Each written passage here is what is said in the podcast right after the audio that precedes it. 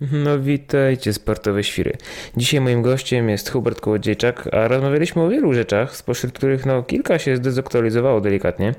E, mianowicie rozmawiamy na przykład e, na temat tego, jak według nas pójdzie Bronkowi i Gabi na regionie. No wy już doskonale wiecie, jak nam, jak im poszło, zresztą ja też.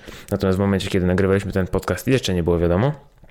Mm, I też rozmawialiśmy na temat tego, czy warto brać udział w Hoda Games organizowanych przez Ewę Chodakowską. A jak się okazało, Miłosz Taborzyński wygrał ten e, challenge, zawody, czy jakkolwiek to nazwać. I się okazuje, że nawet było warto. E, ale oprócz takich rzeczy, które się bardzo szybko zdezaktualizowały jeszcze przed publikacją tego podcastu, rozmawiamy też o takich rzeczach, no, które są bardzo aktualne, na przykład o rezygnowaniu z afiliacji łódzkich boksów, otwarciu nowych e, zamiast nich, e, czy tudzież oprócz nich. Rozmawialiśmy też o tym, e, co bardzo mnie fascynuje, bo sam tego nie mam, mianowicie o mentalności sportowca i tego, na jakiej podstawie niektórzy sportowcy w trakcie swojej kariery przewartościowują swoje życie, rezygnując z kariery zawodniczej, no albo przynajmniej zawieszając ją na jakiś bliżej nieokreślony czas. Spodziewajcie się szczerych wypowiedzi, bez klepania frazesów i dawki wiedzy na temat codzienności życia lekarza weterynarii, ponieważ e, tym pełnoetatowo zajmuje się Hubert codziennie, obok prowadzenia treningów i doprowadzenia siebie samego na treningach do stanu przedzawałowego.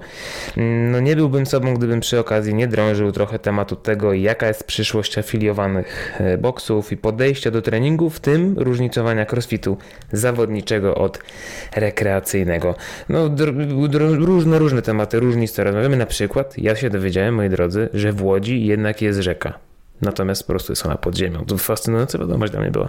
I pamiętajcie, że skorzystając z usługi sklepu internetowego sklep.sportst.pl jak se tam kupicie coś, na przykład sztangę, taką fajną, taką do ciężarów, co, z której ja to korzystam, często jest fajna i sobie tam zamówicie i wpiszcie kod robotowy zrób, to macie na te zakupy 10% zniżki i tak samo jak się skontaktujecie z nimi bezpośrednio i powiecie, że wujek Mareł was wysłał i w ogóle, to też jakiś fajny deal dostaniecie.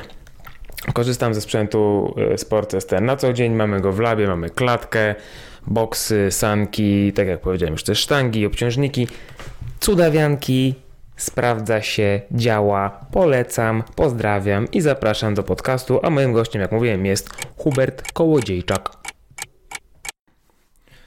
Włączyłem. Hubert, yy, witam Cię. Marku, dzień dobry. Po, pozdrawiam Was, ja Marek Maromajewski i pozdrawiam Was Hubert Kołodziejczak. I na samym wstępie chciałem Cię przeprosić. Co prawda Ty też powinieneś mnie przeprosić, bo się spóźniłeś i to, to dużo. Tak, tak. Nie ale, mam nic na swoje usprawiedliwienie. Ale niech będzie, niech będzie. Ja się wyczekałem, już od dawna chciałem, żebyś, żebyśmy się spotkali, pogadać. Trudno, natomiast ja Cię muszę przeprosić na starcie, ponieważ ostatnio jak z Mackiem nagrywałem podcast i on no. pyta mnie, jakie tam y, y, plany na najbliższe jakieś nagrania, coś. Mówię, no w, w niedzielę widzę się z Hubertem Kucharskim.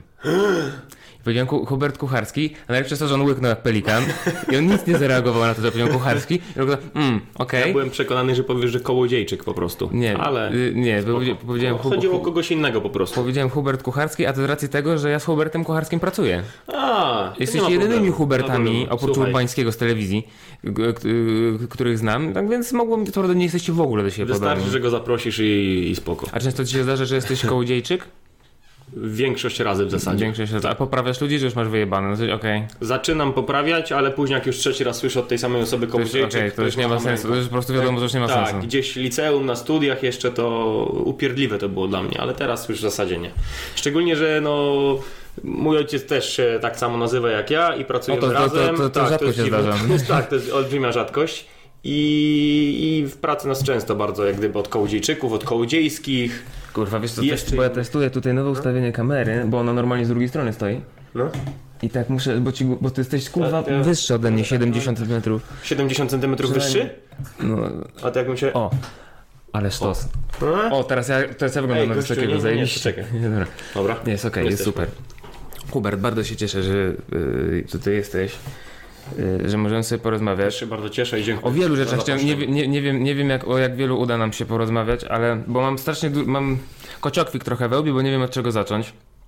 Możemy zacząć od tego, o czym już wstępnie zaczęliśmy troszeczkę rozmawiać, y, jak y, przyjechałeś, mhm. bo też tą rozmowę w sumie już z Bartkiem Mackiem zacząłem kilka dni temu, e, zacząłem się zastanawiać nad tym, co to się dzieje, że się w ostatnim czasie likwidują afiliacje. Znaczy to jakby są dwie rzeczy. Po pierwsze, dużo klubów rezygnuje z afiliacji, to jest jakby jedna sprawa i coś mi, yy, chociaż nie sprawdziłem tej informacji, ktoś, bo to jakoś od kogoś usłyszałem, Mhm, więc może, mhm, może to mhm. nie jest prawda, ale tu słyszałem, że CrossFit Mielnier nie zre- zrezygnował z afiliacji. Nie wiem, to słyszałeś? To ja już od jakiegoś czasu w ogóle crossfitowego świata nie śledzę, tak jak śledziłem jeszcze okej. z półtora roku temu, więc tak naprawdę nie wiem. Ciężko powiedzieć. Ciężko powiedzieć. No ale to jeżeli by to była prawda, to by było y, dosyć ciężka wiadomość z racji tego, no, że to jest pierwsza afiliacja w ogóle jaka kiedykolwiek na terenie naszego tak, pięknego tak, kraju. No z tym pięknym to może przesadziłem, ale na terenie naszego kraju y, była. Drugą sprawą jest to, że w ostatnim czasie też w bardzo nieelegancki sposób zamykają się niektóre boksy crossfitowe i tak jak żeśmy zdążyli coś tam, y, cztery słowa na temat crossfit Łomianki z Bartkiem Mhm. zamienić, to następnego dnia dosłownie pojawił się post, no okej, to dzisiaj były ostatnie zajęcia, zabierzcie swoje rzeczy bardzo, do tak. jutra nara, nie? I, i, Jak nie odbierzecie butów, to sprzedamy, tak? i jak się okazuje, podobne historie, no może nie dokładnie takie same, również dzieją się w, w, w Łodzi, w mieście, które nie ma rzeki żadnej i mostów. To też żeśmy już Tak. Jest rzeka jak Łódka, ty, ale ona jak, ty jedziesz, jak ty jedziesz mostem No. y, jakimś gdzieś w innym mieście, to jest jakaś taka atrakcja dla ciebie, na zasadzie Tak. jakbyś był na kolejce Rozglądam się górskiej. słuchaj tak, że zawsze mam kurwa, wtedy momentalnie, bo patrzę ile tu jest wody, a jak ona jest szeroka, że ta Wisła, wiesz, to nie jest to taka jest- rzeczka nieprawdopodobna. No, tak się zastanawiałem. To mnie zawsze fascynowało, że Łódź tak. nie ma, nie ma rzeki żadnej. Nie wiem, to, to, jeśli to się Jest nazywa Łódź. rzeka, jest rzeka Łódka, tylko ona jest pod ziemią. Znaczy, e, moment. Naprawdę. Ale ona, okej, to w takim razie zanim wrócimy do bo to mnie jest bardzo, nawet taki zanim, co coś zaintrygowało. studzienki, że możesz tam zajrzeć i to jest napisane, że tam jest rzeka. I tam jest taka Ja strzałka. tam nigdy nie zaglądałem, ale wierzę im na słowo. Ale tak. posłuchaj, to znaczy, że była kiedyś sobie rzeka, która se płynęła tak jak Pan Bóg ją stworzył sobie górą i potem ją zabudowali, czy ona jest w ogóle sztuczna totalnie? Chciałbym ci odpowiedzieć na to pytanie, nie mam pojęcia. A ty jesteś z Łodzi rodowitym łodzianinem Ja się urodziłem w Łodzi, później 13 lat mieszkałem w Koluszkach pod Łodzią, a później mm, jak gdyby no... Koluszki, to tam dzieci... y, y, Koszulki, y, y, Czekaj, nie, kol... To tam leper tych talibów widział? Nie, nie, to nie było w Koluszkach, nie, to nie było w Nie, Koluszkach, nie, to była nie. jakaś inna miejscowość. Koluszki nie mają chyba takiej jakiejś Jakoś- rzeczy, jakoś- z której tam słyną szczególnie. Tam- Olbrzymi dworzec mają ważne, dobrze, ale wracając do tematu, to jakoś zafascynowała mnie ta rzeka, rozumiesz, Pod ziemią. Pod ziemią. Tak, no, fascynujące. Fascynująca sprawa. Do jakiegoś hydrologa muszę tutaj zaprosić. No. Ponieważ, y, gdyż, wracając już do tematu, y, ponieważ gdyż ty jeszcze do niedawna byłeś head coachem chyba w ogóle w Boat City CrossFit, Tak. które już w tej chwili chyba nie ma afiliacji z tego co ja rozumiem. Już nie ma od y, wielu miesięcy tak naprawdę. Aha. oficjalnie zostało to jak gdyby ogłoszone no, całkiem niedawno, ale ze względu na różne tam przepychanki z y, włodarzami crossfitu, jeżeli chodzi o nazwę naszą, Mhm. to tam też były straszne przepychanki i my ostatecznie nie zgodziliśmy się na to, co Właśnie, oni bo nam... tam od samego początku Tak. były, co chwilę się nazwa zmieniała. To sytuacja była taka, że my jak gdyby jako, że byliśmy pierwszą afiliacją w Łodzi, no to zależało nam oczywiście na nazwie CrossFit Łódź. Niestety nie udało nam się tego uzyskać, próbowaliśmy na wszelkie sposoby Dlaczego? wytłumaczyć, że Łódź to chodzi o łódkę, że boat, że, że to w ogóle nie chodzi o miasto, tylko że żeglarstwo. Oni nam za każdym razem Aha. odpowiadali, że no niestety, ale to jest też nazwa dużego miasta. Nie, nic A, z tego. To, to czyli co, w CrossFit jest taka zasada, że nie może być CrossFit Warszawa, Boksa Tak, albo CrossFit dokładnie Gdańsk, tak. Nie, takiego. nie, może być w nazwie jak gdyby boksa, y, jak gdyby nazwy dużego miasta jednocześnie. Okej, co ale jest, dzielnica co, już jest okej. Ale to się... y, to, to też do Mokotów końca, jest wielkości Łodzi. Ale to też do końca nie jest prawdą, bo y, są boksy To jest takie, CrossFit które... Sącz chyba. Na przykład. Ale, to nie są, może- ale są też tak... to chodzi, że to nie jest duże miasto. Albo nie zapłaciliśmy odpowiednio dużo, no nie No może. może tak, w każdym razie nie zgodzili się. Ja naprawdę stawałem na rzęsach, żeby to ogarnąć i bo na mnie jak gdyby ta afiliacja była, ja tam miałem papiery crossfitowe i tak dalej. Nie, nie udało się, nie udało się, nie minął rok. No i dowiadujemy się niestety, że w Łodzi, znaczy niestety, dowiadujemy się, że w Łodzi się otwiera nowy boks, który się będzie nazywał CrossFit Łódź. No i Hmm. krew nas zalała od góry do dołu w zasadzie, bo e, mimo tego, że oni się nie zgodzili oczywiście na nazwę e, CrossFit Łódź dla nas, to po roku się zgodzili, już nie Może było widzieli przez żadnego otwarte. Może tak. Papierek przez otwarte, a oni sobie tam... ale właściciele doszli do wniosku, że jak Boat City CrossFit się nazywamy, no to CrossFit Łódź to jest tłumaczenie po prostu, więc można tak zrobić. Kubki, koszulki, cuda na ścianach, wiesz, napisy i tak dalej. No i nagle przychodzi właściciel CrossFit Łódź, bo oni dostali taką nazwę i mówi, no słuchajcie, musicie to pozdejmować, bo my jesteśmy CrossFit Łódź i do widzenia. No i była jak gdyby wielka szarpanina i trochę z właścicielami tego właśnie CrossFit Łódź i, Nie lubią z, się i z samym. CrossFitem. No nie, no nie, no nie, no nie, no nie. Zdecydowanie się nie lubią. Bo tam ci też teraz rezygnują z Eee, afiliacji. Nie ma nie wiem znaczy, dokładnie, od którego momentu, tam, gdzie Bartek Karczewski był trenerem. Bizon, pozdro. Jest w zasadzie, pozdrawiamy Bizona. Kombinowałem, żeby też tu dzisiaj był, ale no widzisz, no nie szanuję moich Mogłem go słuchaczy. wsadzić na moto i by przyjechał A to by zabawnie wyglądało. Albo przyczepkę taką, wiesz, z boku. No, musimy pomyśleć o tym następnym razem może. Eee, o czym my mówiliśmy? Nie wiem. Nie, no wiem. Mówiliśmy o tym, że były um, nie perturbacje tak. z nazwami i że No tam właśnie, się nie no w każdym razie skończyło się tak, że ze względu na to, że e, CrossFit nakazał nam poddawanie po prostu im wszystkich domen internetowych, jakiegoś tam maila, jakichś tam cudów innych, tak? No a właściciel Boat City CrossFit powiedział, że e, nie chuja. No i to nie chuja, jak gdyby no niestety całe, całe ta, tak po angielsku, E, no. No, no, No no, dick. no, No dick, dick, no no dick. I oni nie wiedzieli o co chodzi. E, oni nie wiedzieli o co chodzi, w każdym razie no niestety całe gówno spadało mi na głowę, bo no, na mnie jest ta afiliacja, była. No tak. E, No ale ostatecznie nie spełnili żadnych tych oczekiwań, no i odpisali nam, że sorry, ale w związku z tym nasza e, afiliacja zostaje zawieszona i to już było, ja wiem, z pół roku temu powiedzmy, tak? O, o, to nie było od razu ogłoszone, że już nie mamy afiliacji, ale kiedy zbliżał się termin kolejnej płatności, no to doszedł do wniosku właściciel po prostu, że nie, no nie będziemy się dalej w to bawić, bo to w zasadzie w żaden sposób się nie przekłada na liczbę klubowiczów. Właśnie. Aj, tu Właśnie. płynnie. Ba- Płynnie, pięknie. To jest ten segway, Jest który tłumaczyłem. Macka- właśnie, co, co, tak co, jest, co to jest tak. tłumaczyłem Raczkowi? Segway. Bo Tak, y, tak, tak, tak. kiedyś drzewiej onegdaj azalisz było tak. I ja tutaj mówiąc kiedyś mam na myśli, nie wiem, 4-5 lat temu, Mhm. że y, jak ktoś się dowiedział jakimś cudem, że jest coś takiego jak crossfit i chciał pójść i go trenować, to jeżeli Szukał wybrał crossfitu. klub, który ma w nazwie crossfit, Mhm. to miał szansę 9 na 10, no nie może nie 100%, ale 9 na 10 szans, że tam będzie ok. I ludzie to chętnie, znaczy? okej w sensie, że tam rzeczywiście jest crossfit, a nie coś, wiesz, że ktoś sobie wymyślił, Trampolinki. te trampolinki, crosscage, czy, Tak, tak, czy tak, jakieś tam inne takie y, nazwy, nie? Że po prostu ludzie byli przekonani i moim zdaniem słusznie wtedy, że jest bardzo dużo do prawdopodobieństwa, że tam będzie w porządku, że tam będzie rzeczywiście to, czego szukają, że będzie crossfit, że będzie fajnie. To jest I- na tyle zamknięte środowisko, Dokładnie. takie konkretne, że tak powiem. bo, tak? bo to, nie był taki czas, gdzie jeszcze mało ludzi się tym interesowało i jeżeli komuś się chciało bawić, żeby tą afiliację założyć, żeby te levele robić i Mhm, tak dalej, i tak dalej, no to można było- wychodzić z założenia, że to jest... I szczególnie, że to nie było tak, że teraz jak do, do, do Bartka się jedzie do CrossFit Mokotów i robi level 1, tylko trzeba było gdzieś tam jeździć po jakichś tam, nawet nie wiem gdzie, kurwa, po jakichś Berlinach, czy jakichś Hiszpaniach innych i innych, Hiszpaniach, tak, innych no. takich historiach, nie? Mhm, tak, dokładnie. że okej, że to są ludzie zaangażowani i tak dalej, tam będzie fajnie. Natomiast no, to się zaczęło po pewnym czasie zmieniać. Coraz więcej ludzi zaczęło się crossfitem interesować. Na rachunek prawdopodobieństwa mówi, że to oznacza, że coraz więcej ludzi, którzy no średnio, że no już nie jakichś tam topowych, super zajebistych Tak. trenerów, zawodników i tak dalej, tylko że już coraz więcej przypadkowych ludzi, przez co też coraz więcej przypadkowych, moim zdaniem, miejscówek zaczęło się otwierać. Zgadza się. I zacząłem się zastanawiać, yy, czy rzeczywiście, bo Łódź bardzo długo się broniła przed afiliacjami. Przecież Łódź Garage Games to naj, chyba najbardziej znane zawody, najstarsze, jedne z najstarszych. Tak, typowo E, crossfitowe zdecydowanie Typowo crossfitowe i było tak. wiadomo... Tego tak naprawdę zaczął crossfit w Polsce, można powiedzieć. Tak. Jak widziałem ostatnio jakoś tam wpadły w moje ręce zdjęcia z pierwszej edycji, to nie wiem, czy widziałeś Ja to sam zdjęcie startowałem. w tych, w pierwszej? Nie, w drugiej chyba. To pierwsza słuchaj wyglądała tak, że 20 osób stoi i tam się wzajemnie dopingują, coś tam, coś tam ćwiczą, ale porównując skalę tych zawodów, Mhm. to co się dzisiaj i wczoraj odbywało na przykład właśnie w Nadarzynie, to już nie Łódź Garage Games, ale Garage Games, Mhm.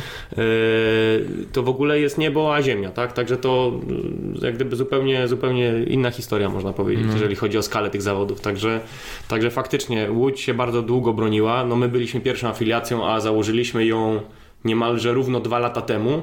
No i nie minęły dwa lata, już z niej zrezygnowaliśmy w zasadzie, tak? No Podobnie CrossFit Łódź rok po nas równiutko ruszył z afiliacją i kolejny rok później już jej nie ma. I w tym momencie jest no jedna CrossFit Zatoka, jest jedna afiliacja i chyba nic nie wskazuje na to, przynajmniej nie mam takiej informacji, żeby miało ruszyć zaraz coś kolejnego, nie? No właśnie, CrossFit Zatoka to jest świeża rzecz, która w zasadzie teraz jest w trakcie Tak, otwierania. tak, Jeszcze tak, tak, tak, nie, tak. nie otworzyła się tak, Mhm.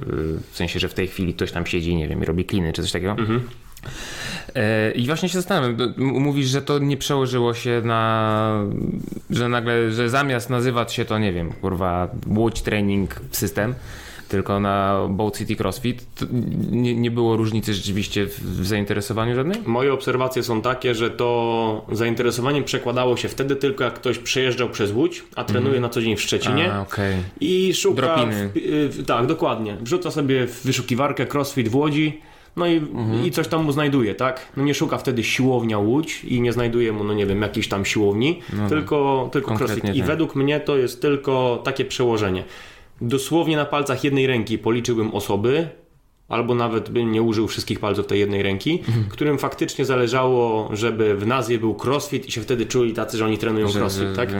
Ja nigdy nie ukrywałem, a w przeciągu ostatniego roku szczególnie jak gdyby, to co my z Arturem Piotrowskim programowaliśmy... Pozdro, Artur. Pozdrawiamy. Zajebistą zupę cebulową robi, naprawdę. Sztos. Jadłeś kiedyś?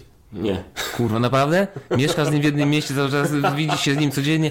Artur, zrób mu zupę cebulową. twierdzi, że on ją gotuje? On ją gotuje. No ja naprawdę jadłem, żyję, pyszna była. Naprawdę. Artek, Po, polecam. Artek y, przyjeżdżam zaraz. Artur, gotuj zupę. Gotuj, wstawiaj cebulę. Gotuj zupę. Yy, o czym my mówiliśmy? O tym, że yy, to, co programowaliśmy w boksie, Mhm. To nijak się miało do typowego crossfitu, tak? Mi chłopaki właśnie z Training Clubu. Za Jezus, to nie wypowiadaj tych słów, bo to już ludzie mają dosyć. no. E, pewni ludzie Ile o, otworzyli, ile o tym labie można gadać? pewni ludzie otworzyli mi nie, Nie, nie, masz Androka na skórę. No. No, dobra. Pewnie ludzie otworzyli mi oczy i po pierwsze zmienili moje podejście do mojego treningu, e, który, który sam jak gdyby wykonywałem. Jezus, jakie piękne segwaye tu się same tworzą. No mów dalej. Nie? Będziemy musieli troszeczkę się cofnąć, nie? A po drugie, e, zupełnie zmieniło się moje podejście do programowania treningów dla moich podopiecznych, tak? Także to niewiele miało wspólnego z crossfitem. Ja jak gdyby, no, no definicję crossfitu, no każdy, kto się interesuje, zna, tak? Ciągle zmieniające się ruchy funkcjonalne na wysokiej intensywności. I to można rozpracować na czynniki pierwsze na 20 różnych sposobów. I tak samo można to zrobić bardzo dobrze i bardzo rozsądnie i tak samo można to spierdolić do granic możliwości. Jest, można to zrobić spektakularnie, dosłownie. Też na S, ale trochę inaczej. W każdym razie jedno i drugie i spektakularne i to brzydkie słowo, które przed chwilą powiedziałem, mają dużo ze sobą wspólnego, bo to najczęściej jak jest spektakularne, to niestety ludzie robią sobie bardziej krzywdę, aniżeli y, coś, coś dobrego sobie przynoszą.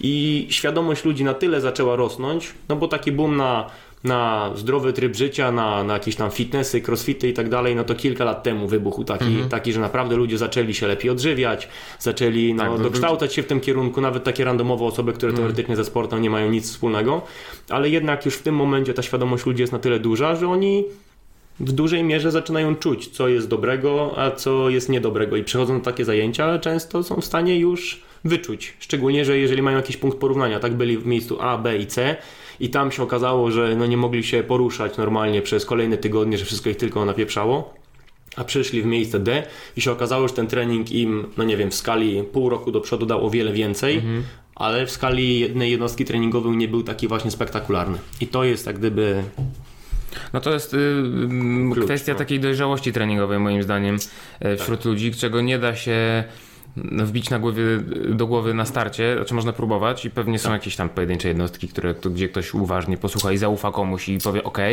Natomiast w większości przypadków, i mówię tutaj też o sobie, to jest kwestia takiej własnej jakiejś dojrzałości, bo ja też przecież przez długi czas byłem e, zwolennikiem takiego klasycznego rozumienia crossfitu, tego w jaki sposób 21, 15, 9, Albo tak, właśnie, y, tak.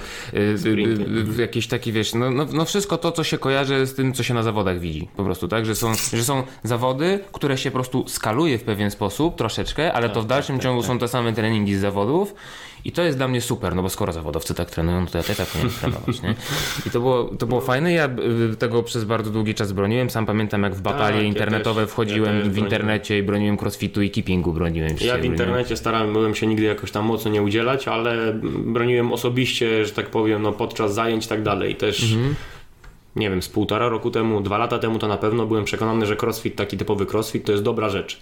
Dopóki sam się gdzieś tam nie wysypałem, dopóki nie zobaczyłem innego zupełnie podejścia i się okazało, że crossfit typu crossfit to jest no tak jak mówię, no można to bardzo różnie zdefiniować i to też można zupełnie coś, co się nazywa crossfitem, to może być czarne, ale może też- być białe. No tak, a czy wiesz, no bo jeżeli definicja jest, definicja tak naprawdę jest dosyć ogólna, że często Dokładnie zmieniające tak, się bodźce w tak. różnych domenach czasowych, Tak, i, no i okej, no ale to może być równie dobrze rozumiane tak, że jednego dnia, nie wiem, kopiesz kilofem na czas, drugiego dnia y, przerzucasz worki z cementem, się, albo tak, że tak, robisz tak. trastery i coś tam, to więc można Zgadza sobie się. definiować y, w dowolny sposób.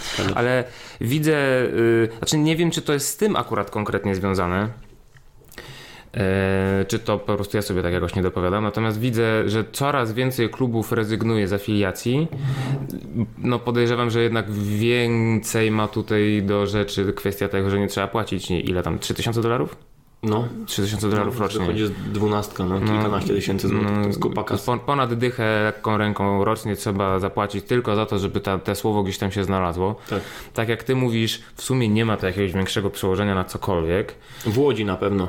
Być może w Warszawie, no, ta świadomość Też, jest no, jakaś no tam bo, inna, dokładnie, bo to, bo to w sumie rzeczywiście może być też kwestia tego, no bo po pierwsze w Łodzi wcześniej tego nie było, ludzie tak chodzili. Tak, I się i nie, nie, tak. by nie mieli tak. może takiego przyzwyczajenia, że to musi być crossfit coś tam. Tych tylko- osób takich, które naprawdę potrzebują tej, tego słówka crossfit w nazwie, to są naprawdę pojedyncze osoby, uważam. To są naprawdę jednostki takie, które nie wiem, jakoś tak sobie ubzdurały w głowie. Ja się zastanawiam, jak jest w. Warszawie, bo w sumie poza labem, znaczy ja nie mówię tutaj oczywiście o jakichś tam e, sekcjach e, cross-gymowych na siłowniach, bo to Tak. zupełnie inna kwestia, tak? Ale żeby to była miejscówka, nazwijmy to typowo crossfitowa, ale bez nazwy crossfit, nieafiliowana, to w sumie poza labem no nie wiem, nie kojarzę, żeby w Warszawie było coś takiego. nawet. Nie, przepraszam, jest e, ten... k- nie, Crosshouse, o, Crosshouse. Chyba, no, że to są, no ale no tak, no. Chyba, że to jest jakaś miejscówka, która miała właśnie w nazwie CrossFit, ale później z niego zrezygnowała i to też Mhm. wątpię, żeby to się wiązało bezpośrednio z jakąś tam diametralną zmianą programowania nagle, tak? Czyli pewnie sobie nazywają to cross cokolwiek, Mhm. a jednak robią to samo na tych zajęciach, tak? Tylko doszli do wniosku, może uważam, że zresztą bardzo rozsądnego wniosku, że lepiej jest tą kasę poświęcić, kurde, na sprzęt w najlepszym wietrze, a jak, no nie wiem, imprez zorganizować, integracyjną za te Mhm. pieniądze, to też można świetną i to się chyba bardziej jednak przełoży na zadowolenie Tak, na klientów, na klienta, utrzymanie nowych, community bla, bla, swojego bla, i tak tak. dalej. Tak, także myślę, że to jest No tak, no bo jeżeli to, jest, jeżeli to jest dokładnie. 10 tysięcy złotych rocznie, to za 10 tysięcy złotych można kupić 3 czy 4 airbike'i na przykład. dokładnie tak. I możesz mieć po 4 latach 16 airbike'ów. Nie wiem po chuj, Dokładnie tak. ale możesz. Nie wiem po co komu tyle. Powiem Ci, że pomysł absolutnie straszny wpadłeś, tak. ale mam nadzieję, że nikt tego nie słucha, kto akurat się zbiera na akurat się zbiera do Nie kupujcie tych 16 airbike'ów na Nie, Boga. bez, bez, no, bez sensu. nie, nie. E, Ja się pokuszę o taką teorię troszeczkę, taką przy, przy przewidywania, Mhm. że mm, możemy być na samym początku takiego zjawiska, gdzie coraz większa liczba klubów będzie rezygnować z e, afiliacji z różnych powodów Mhm. i że dojdziemy do odwrotnej sytuacji niż o tej, o której mówiłem, że była te 4-5 lat temu. Czyli, że w momencie, w którym będzie coś miało w nazwie CrossFit, to będzie w duże prawdopodobieństwo, Tak, że tam tak. jest ten. Znaczy, ja nie mówię, że mogą być bardzo mili trenerzy, mogą być super zaangażowani, Mhm, y, może być świetne community i ludzie tam chodzą, co mogą się czuć super, y, nie wiem, szczęśliwi, że tam Mhm, chodzą. Natomiast m- mówię pod względem takim treningowym, że to będzie na zasadzie, że to będą ci ludzie, którzy naoglądali się gamesów, i się zajarali na crossfit i oni chcą robić crossfit, chcą robić to, co było na gamesach Mhm. i będą sami to robić i też będą sprzedawać innym, że też to powinni robić, a nie koncentrować się na tym, co powinien robić y, Jacek i Grażyna, którzy po prostu chcą się Być może tak, ale czuć. to tak jak mówię, no każdy, znaczy zazwyczaj przychodzą na zajęcia osoby dorosłe, Mhm. mają jak gdyby mm, świadomość tego, co robią, no jeżeli wykazują się jakimś minimum zaangażowania, tak? Mhm. Są też takie osoby niestety, które przychodzą na zajęcia i przyszły, no nie wiem, w formie tylko towarzyskiej, coś tam sobie porobić i tak naprawdę to mają w dupie to, co im to da, ale jednak większość ludzi jest taka, która tej świadomości ma coraz więcej i, i one doceniają takie podejście właśnie, no jakie powinno być zastosowane do osoby, która nie ma aspiracji zawodniczych żadnych, a, a taki procent jest niewielki tych ludzi, którzy po prostu przyszli, bo oni by chcieli tak jak Rich y, zrobić tutaj coś, tak? Mm, y, tak, to takich osób rzeczywiście jest mało, natomiast yy, moim zdaniem i to jest oczywiście nie poparte żadnymi badaniami, tylko z dupy wyciągam procent i tak mi się wydaje, że mnie, nie wiem, z 70% osób nie zastanawia się nad tym, co robi. Oni przychodzą do boksa, oni mają świadomość tego, że płacą te, no zależnie od miasta i boksa, ale to w Warszawie to jest 250 zł za karnet chyba w większości miejsc, jeżeli nie we wszystkich.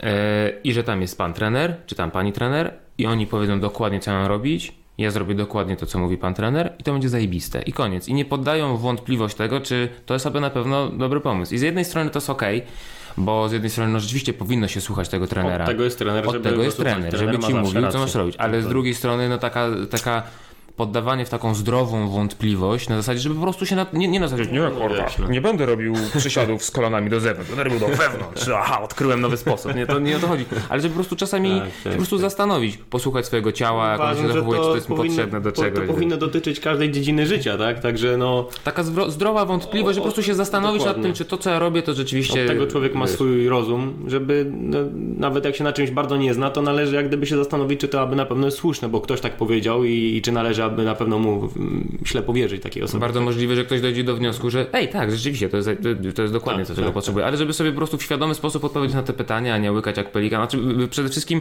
w momencie, kiedy ktoś chciałby trenować 5 razy w tygodniu, a jest w stanie 3 razy, bo inaczej po prostu jest zniszczony i nie może się ruszać, No tak. to może coś jest nie tak. I, może, i to, to, to moim zdaniem jest pierwszy sygnał do tego, żeby się zastanowić nad... Życzę wszystkim trenerom i właścicielom boksów, żeby było jak najwięcej właśnie takich ludzi, którzy przyjdą i tą wątpliwość wysuną, tak? Bo to też rozwija ludzi, czy nas jako trenerów powiedzmy i, i samych właścicieli boksów, Mhm. No bo tak, bo to dzięki nie jest temu... tak, że ktoś zdał level Tak, już kurwa wszystko tak. wie, umie, Dokładnie. był z każdą sytuacją zaznajomiony i, i tak dalej. Tak, jeżeli ten feedback jest jakikolwiek, czyli jak ktoś, no nie wiem, zada mi pytanie, a dlaczego te kolana mają być na zewnątrz, a nie do środka, Mhm. to to też sprawi pewnie, że ja będę, no nie wiem, bardziej kompetentny, tak? No podałem może zły przykład, ale, ale to się tyczy absolutnie wszystkiego. Jeżeli ktoś od razu łyka jak pelikan właśnie wszystko to, co ja mówię, no to ja też będę stał w miejscu wtedy, bo będę absolutnie No tak, bo nie masz powodu do ja tego, żeby jestem, się tak, nieomylny, że- dokładnie, dokładnie. Ja powiedziałem, jak- tak się robi, A jak koniec. ten feedback jest jakiś tam, to, to, to też jak gdyby jest to czynnik taki rozwojowy dla samego trenera na pewno. Także to jest, to jest dobre zdecydowanie i życzę wszystkim, żeby jak najwięcej było takich podopiecznych, którzy właśnie zadadzą to pytanie, a dlaczego tak, Mm. a dlaczego nie inaczej, a, a, a jaki jest cel tego czy tamtego, nie? Takich właśnie dociekliwych ludzi, którzy gdzieś tam poddają wątpliwość właśnie to, co się mówi, bo to, to dzięki temu idzie się do przodu gdzieś, nie? Mm. Jakieś kroki się wykona. A powiedz mi, bo bo teraz już y, Boat City CrossFit nie ma nie tylko afiliacji, ale nie ma też ciebie. Nie ma. Nie ma też ciebie. Nie ma mnie. już, już, tam teleportowałeś się na orbitę. Tak. I będziesz teraz e, w CrossFit Zatoka e, trenował, w sensie sam ćwiczył, podnosił Tak. ciężary i róż, robił różne cyrki, ale też mhm. prowadził treningi. Tak, dokładnie. E, Ty tam będziesz head coachem, czy tam Nie, będziesz nie, nie. jednym z co, trenerów? głównym trenerem jak gdyby y, całego tego zamieszania będzie Krzysztof Bajera. On będzie jak gdyby Mhm. Pozdro, odpowiedzialny. Krzysiek. Pozdrawiamy. Y, On będzie jak gdyby odpowiedzialny za tą stronę taką no, nadzorowania tego, czy to ma ręce i nogi cały ten trening.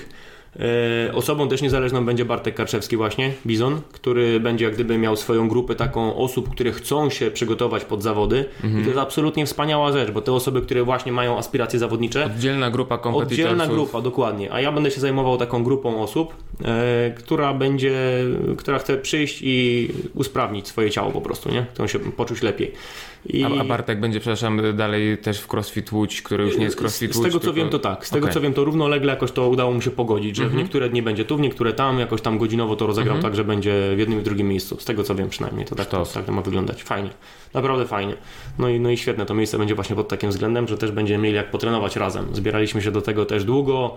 Nigdy się chyba nie udało tak tego zorganizować, żebyśmy znaleźli tą samą godzinę w ten sam dzień, żeby przyjść i faktycznie potrenować, a tam już kilka razy się gdzieś tam minęliśmy, No tak, bo fajnie. w, w, w momencie, kiedy ma się taki harmonogram swojego dnia, wiesz o której wstajesz, szczególnie, że ty masz jeszcze inną Tak, pracę, nie tak. jesteś tylko trenerem na Może, może inaczej. Ja mam pracę, a moim innym zajęciem No tak. są treningi. W taki sposób. Dokładnie, więc powiedział. jeszcze do Dokładnie. tego dobrać jakoś sposób, żeby gdzieś tam po drodze zjechać z tej Tak, trasy tak, tak, i tak, tak, tak, zahaczyć coś innego. Jednocześnie, zrobić. żeby drugie osoby też to pasowało, Dokładnie. oczywiście, to jest tak. No przecież też Bartek ma kupę roboty, tu treningi, tam treningi. Chyba nawet w szkole prowadzi jakieś zajęcia, może jakieś WF-u czy czegoś, tak mi się coś Bartek kojarzy. prowadzi tak, WF? coś mi się kojarzy. Nie, nie wiem, czy to nie jest obrzydliwe kłamstwo jakieś, ale coś mi się takiego obiło uszy. Ja się dowiedziałem Eee. ostatnio, że Wąski y, uczy WF-u w szkole. To też słyszałem. Naprawdę, ja nie, ja nie wiedziałem o tym. Ja się się dowiedziałem tak, ta. No i dobrze, no i właśnie bardzo dobrze, takie osoby powinny być, a pan jak sobie I grają w piłkę strictem, kurwa. No tak, trening na macie, jak to się mówiło, tak? Macie piłkę i gracie. No, świetnie, świetnie. Ale no nie, to, to no, jak ja sobie przypomnę moich nauczycieli WF-u, to, to wolałbym mieć wąskiego do trenera. No nie, no tak samo pamiętam. Znaczy, ja, ja nigdy sam się nie garnąłem do aktywności fizycznej jakiejś, tak żeby samemu coś tam Bo sobie... byłeś grubasy kiedyś, tak? Bardzo. I to jeszcze, w, znaczy no, teraz- już tam parę lat powiedzmy tego czasu minęło, ale relatywnie niedawno. No ja, Artek, Artek Piotrowski będzie tak wyśmiał, że- jak, jak będzie zobaczył takiego grubasa. on był takim ten, tak? Ojej, Da- o, Jezu, co za baran, no. Co za baran, pije łopie jeden, ty. E, no w wieku 24 chyba lat się wziąłem za siebie i schudłem dużo Ile i szybko. lat? 33. 33, no niecałe, nie pamiętam dokładnie, Nie, czy to było to nie 23 wiem, czy okej. 24, ale to już, no już było jakiś czas temu, może, mo- może, nie, to było po studiach, to musiało być później jakoś. Nie, ale tak się jakoś kończy studia 24 lata się ma, nie? No już, Okej, ileś, ileś plus lat, rozumiem. ileś lat, to jest tak akurat, wiesz, tam akurat nie, nie jakoś super ważne dla mnie, ile to już lat temu było w tej chwili, ale no i tak czy inaczej, przez większość swojego życia, a no przez całe dorastanie i tak dalej, Mhm. zawsze ważyłem za dużo. Był taki jeden bardzo krótki okres w liceum, kiedy szybko urosłem jakieś z 5-7 centymetrów, trochę się wyciągnąłem, trochę, tak było i było tak ok, w sensie tak było normalnie, wiesz, po prostu wyglądałem jak człowiek. Okej, tak. I potem nadrobiłem zaległości i już było po Całe staremu, szczęście, nie? się udało. I, I było po staremu. O tak. Yy, I tak, no ale sam się nigdy nie garnąłem do żadnych. Yy, Ale nie ruszałeś się w ogóle? Zupełnie? Nie, gry komputerowe, gry komiksy, komputerowe. książki. Jadłeś dużo jednocześnie, Dużo, dużo, jadłem bardzo dużo, bo ja mieszkałem z dziadkami, a czy z rodzicami i z dziadkami razem. yy, No, to jak duży dom. dziadkami, Więc to było tak. tak, że ja wracałem do domu, I Micha. babcia dawała obiad, dwie godziny później wracała mama do domu i mama dawała obiad. A ja lubiłem jeść i lubię do tej pory, więc mi to w ogóle nie przeszkadzało. Moje ja marzenia, wiesz, absolutnie. Moje marzenia, absolutnie. No. A że ruchu nie miałem w ogóle jakoś. Je, jedyną rzecz, o której ja pamiętam, że mi się chciałoby, ale nie robiłem jej, to ch chciałem pójść na jakieś tam sztuki walki. No bo się naglądałem jakichś tam filmów karate czy coś, to od razu bym chciał. Karate ale, Kid, no. ale mama mnie nie chciała puścić, bo się bała, że mnie zbiją. A, Rozumiesz? Więc nie Ja też poszedłem. trenowałem trochę sztuk walki. A jakiś- Fajna, fajna zajawka. A mi się podobała. piłka nożna, jakieś w ogóle. W, w ogóle, ni, W ogóle. nic. W, nie, absolutnie. Jazda na rowerze jeszcze w sumie do niedawna mi się kojarzyła z takimi e, niedzielnymi wypadami rodzinnymi, y, wiesz, 10 na godzinę i Tak, nie, nie tak, widzę tak. gdzie jadę. Po prostu w ogóle, w ogóle to było dla mnie nic, nic, No nic tak. ciekawego. W ogóle się nie garnąłem. No jak poszedłem już na ten WF, no to właśnie to było tak jak powiedziałem. Macie, tu macie piłkę, i róbcie, nie? Przez jeden rok dos, dosłownie e, facet od WF-u próbował coś tam z, z nami robić, wiesz, bardziej konkretnego, ale no jak widział zero zaangażowania ze strony grupy, no to też w pewnym momencie darował. I było na zasadzie, tutaj macie w zimę w kosza na sali, a w lato w piłkę, Piłkę na na, zewnątrz, na no. zewnątrz, nie? I, a że ja no. ani jednego, ani drugiego nie lubiłem, no więc też bym wolał takiego wąskiego, czy, czy wy- wiesz, na WF-ie. Czy, czy byś wolał, to nie wiadomo. Chociaż też też cholera wie. Może by cię szlak trafił właśnie, że się trener przypieprzył, każe ci jakieś kurde ciężkie przedmioty podnosić, a po co to, tak? Mhm. Teraz już masz taką świadomość, że teraz byś się cieszył, a jakbyś się cieszył 10 lat temu, to nie wiadomo. Nie? Właśnie jestem, jestem e, e, tak a propos tego, co powiedziałeś wcześniej, że większość osób, które przychodzą na crossfit to są dorosłe osoby i tak rzeczywiście Tak. jest, to jest 25 plus większość osób, koło 30 nawet. Zdecydowanie. U nas, u nas w Zdecydowanie. boksie mam wrażenie było średnia wieku bliżej 35 niż 25 na pewno. Na Mhm. pewno. A y, takich y, osób w okolicach 20-22 lat to jest garstka. Tak, Do labu chodzi jeden chłopak, który ma, nie wiem ile lat, z 14 chyba z tatą Studenci przechodzi. mają inne zajęcia, wiesz. No. No właśnie, tak, no, trochę ten. Ja ale- też studentem byłem i ja co prawda od zawsze byłem sportowcem i freakiem takim na punkcie aktywności fizycznej zawsze, ale wiem, że na studiach są inne zajęcia też po prostu. No ja na studiach te zajęcia Mm. bardzo miałem, doktoryzowałem się już, habilitacja na pierwszym roku już była. No, nieźle, nieźle, nieźle. Wczoraj sobie przypominałem tą habilitację i teraz troszeczkę cierpię z tego powodu, bo No już nota, notatki zgubiłem. i- Już człowiek wychodzi z wprawy. Tak, Ja, no. ja miałem też dwa dni temu przypomnienie i, O. i też, też notatki zgubiłem, jak się okazało. No. Już organizm nie ten sam, już, już młodość minęła niestety, widzisz. Nie no, jak młodość minęła, ile ty masz lat? 20, o... No to jak masz 20, to już możesz nie 28, kończyć. 9. Proszę cię. No, No. jakoś tak. E, a powiedz ty mi właśnie, bo też tak jak mówiłeś wcześniej, nie, był przez długi, długi okres taki, miałeś czas, że nie bardzo miałeś z kim trenować. W sensie, No. no, no nie na zasadzie, że nikt nie chciał z tą trenować, że jesteś głupi. Wiesz, jaka jest prawda, to, to nikt nie wie tak naprawdę, nie? Natomiast, Czy e, przynajmniej ja nie wiem. e, natomiast o, o ile w ostatnich, nie wiem, 12 miesiącach wycofałeś się trochę z takiego zawodniczego crossfitu, o czym też będę chciał z tobą pogadać, Mhm. No to yy, no był ci potrzebny trochę inny partner treningowy niż mi na przykład, tak? I robiłeś to przez duży, yy, yy, przez długi okres sam, w sensie trenowałeś sam, sam sobie nadawałeś tempo. Yy, yy, odnajdowałeś się w tym, czy to była jakaś katorga straszna, że sam musisz to robić? Ja wiesz co, zacząłem tak zawodniczo podchodzić e, do trenowania crossfitu. Znaczy w zasadzie odkąd zacząłem, to gdzieś tam jakieś raczkowanie było już w, e, na zawodach. Ale tak na serio podszedłem do tego, no nie wiem, gdzieś pół roku odkąd zacząłem startować, no i wtedy też podjąłem decyzję, że e, jak gdyby nawiązania pewnego rodzaju współpracy z Dawidem Gazdeckim, on wtedy mi rozpisał treningi e, pode mnie stricte, no i to był okres takich no wielu miesięcy, gdzie w zasadzie tłukłem te treningi sam. I na początku to była absolutnie masakra dla mnie, żeby się psychicznie zmusić. Ja co prawda nigdy nie miałem, jak gdyby uważałem zawsze, że jako zawodnik mam właśnie mocną głowę do tej ciężkiej pracy nie tylko na zawodach, gdzie adrenalina jest i tak dalej, tylko zawsze potrafiłem się też zmobilizować podczas treningu, tak? Zamykałem oczy, wiesz, no wyobrażałem sobie właśnie tą rywalizację, zawody i to mi jak gdyby y, nadawało, no jakiegoś tam kopa dawało, nie? Aczkolwiek yy, ciężki orzech do zgryzienia. I tutaj no, jestem jak gdyby zadowolony z tego, że mimo wszystko udało mi się wyrosnąć na jakiegoś tam zawodnika, gdzie tyle miesięcy musiałem trenować w zasadzie sam i nie miałem nawet z kim wyniku porównać i Mhm. właśnie w takich momentach, gdzie już twoje ciało mówi 16 raz y, wolniej, to ja byłem w stanie jak gdyby jeszcze przycisnąć i zrobić szybciej, nie? Ale nikomu nie życzę sobie trenowania samemu, naprawdę jest to straszne. Nie no, są tacy, którzy to lubią i tutaj bardziej, no, prawda z naszego poletka tak nie bardzo jestem w stanie wskazać taką osobę, ale w Stanach dużo jest takich yy, zawodników, którzy Wiesz, to wszystko zależy od jak gdyby konkretnego partnera treningowego, tak? Bo bywa taki, że jak, no nie wiem, wykonujecie jeden trening razem, przygotowując się do zawodów, mówię tu o takim treningu Mhm. i jest ewidentnie, no nie wiem, wolniejszy od ciebie, słabszy, no to być może będziesz jak gdyby próbował tylko kontrolować odległość byleby między tylko, nimi, tak. byleby tylko być szybciej troszeczkę, tak? A jak byłby lepszy, no to to też zależy jaka osoba, tak? Bo jeden będzie za wszelką cenę gonił i zrobi olbrzymi postęp dzięki temu, a drugi właśnie pomyśli, że a i tak nie go nie dogonię i da, da sobie spokój. Bardzo jak Żeby w gdyby, drugą stronę bezpieczną tak, odległość. Bardzo personalnie zmienna to jest historia. Ja w każdym razie no, treningów y, sam nie wspominam najlepiej. Tak jak przychodziłem, y, jak gdyby w takim okresie przygotowania dwa razy dziennie na trening, raz przychodziłem przed pracą i raz po pracy. I tak było, że no od 9 gdzieś tam do 12 czasami trenowałem poranną sesję, miałem zazwyczaj jakieś tam ciężary, a wieczorem miałem zazwyczaj jakąś tam bardziej wydolnościówkę taką. No to, no to naprawdę takie dwie sesje dziennie nie polecam nikomu. Ko- do, do kogokolwiek, żeby otworzyć gębę, chociaż ponarzekać, o, ale było ciężko, albo, albo, albo ale, ale będzie ciężko, nie?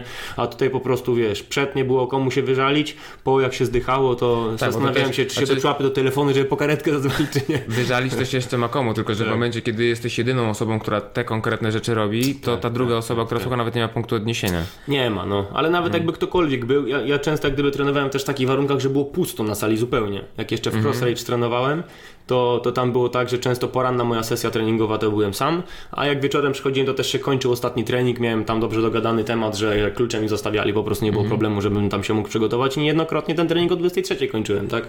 Także mm, no samemu, zupełnie A samemu, o, pogaszone o, światło. ostatnimi zawodami, w których brałeś udział, był, był Ryn w zeszłym roku, czy później Medieval Games, Medieval tak. Games w zeszłym tak, roku? tak, tak, tak, tak, tak. I wygrałeś te zawody.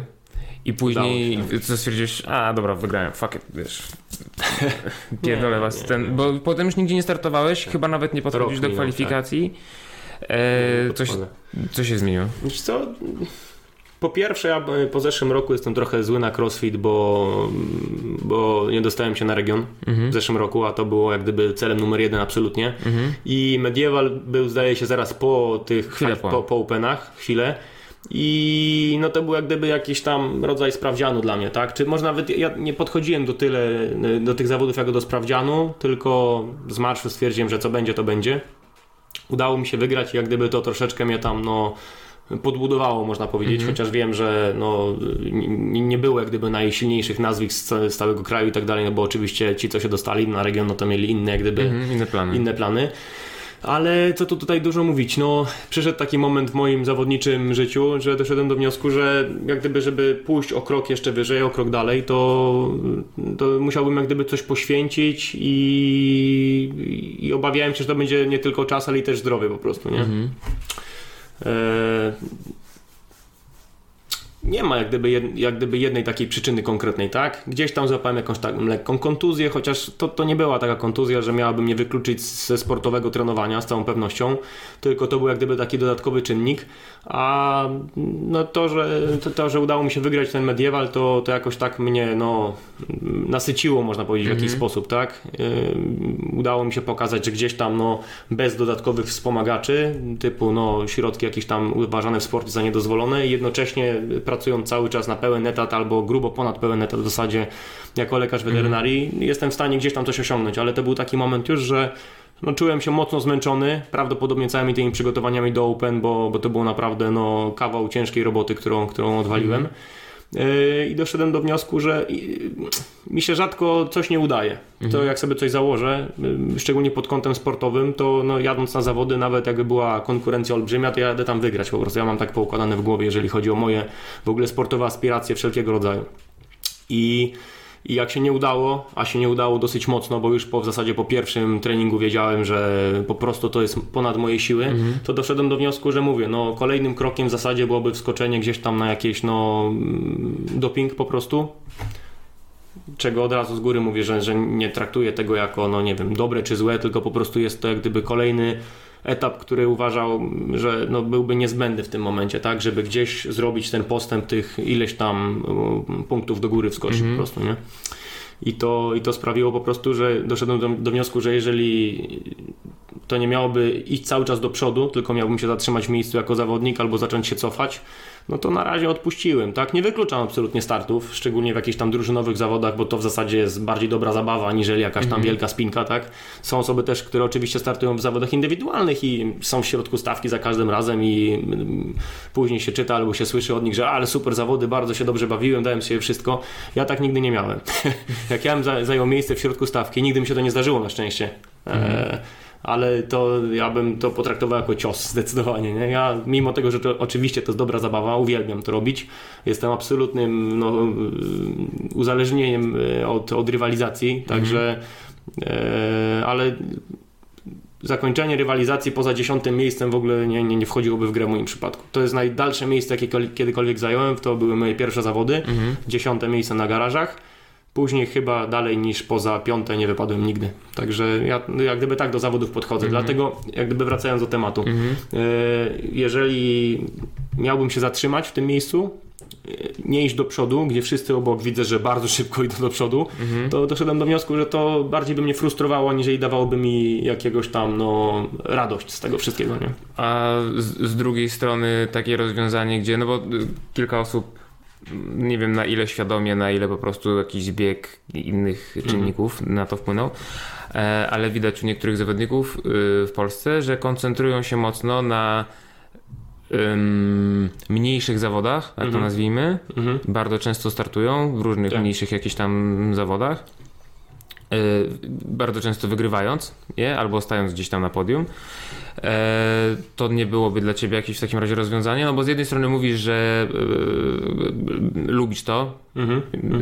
lubisz startować, lubisz trenować, ale z drugiej strony boisz się stania w miejscu, no ale czy to by było wtedy dla ciebie staniem w miejscu, takie rozwiązanie?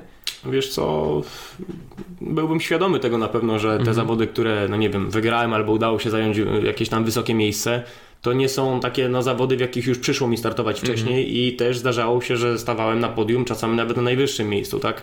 Także też wiedziałbym, że to raczej bym to wtedy, no nie wiem, potraktował być może jakoś tam luźniej, chociaż nie do końca jestem jak gdyby przekonany, że to by mi wystarczyło w takiej sytuacji, tak? Bo jak gdyby pojechać na zawody i je wygrać, no gdzie wiedziałbym, że to są zawody, wiesz, no w Pcimiu Dolnym, czy tam gdzieś, pozdrawiam mieszkańców Pcimia, e, i wygrałbym te zawody, a nawet nie do końca wiedziałbym, z kim tam rywalizuję, powiedzmy, powiedzmy samo wygranie, jak gdyby dla wygrania to nawet nie o to chodziło, tak? Ja miałem wiedzieć, że absolutnie no, gdzieś tam jakieś bariery swoje przekroczyłem i miałem szansę się ścigać z najlepszymi absolutnie, tak? Także wielokrotnie jak startowałem gdzieś tam z Bronkiem, e, czy zawodnikami jego pokroju powiedzmy, czasami się udało ich przegonić, czasami byłem tuż za nimi, różnie bywało, to to mi tak naprawdę dawało satysfakcję, tak?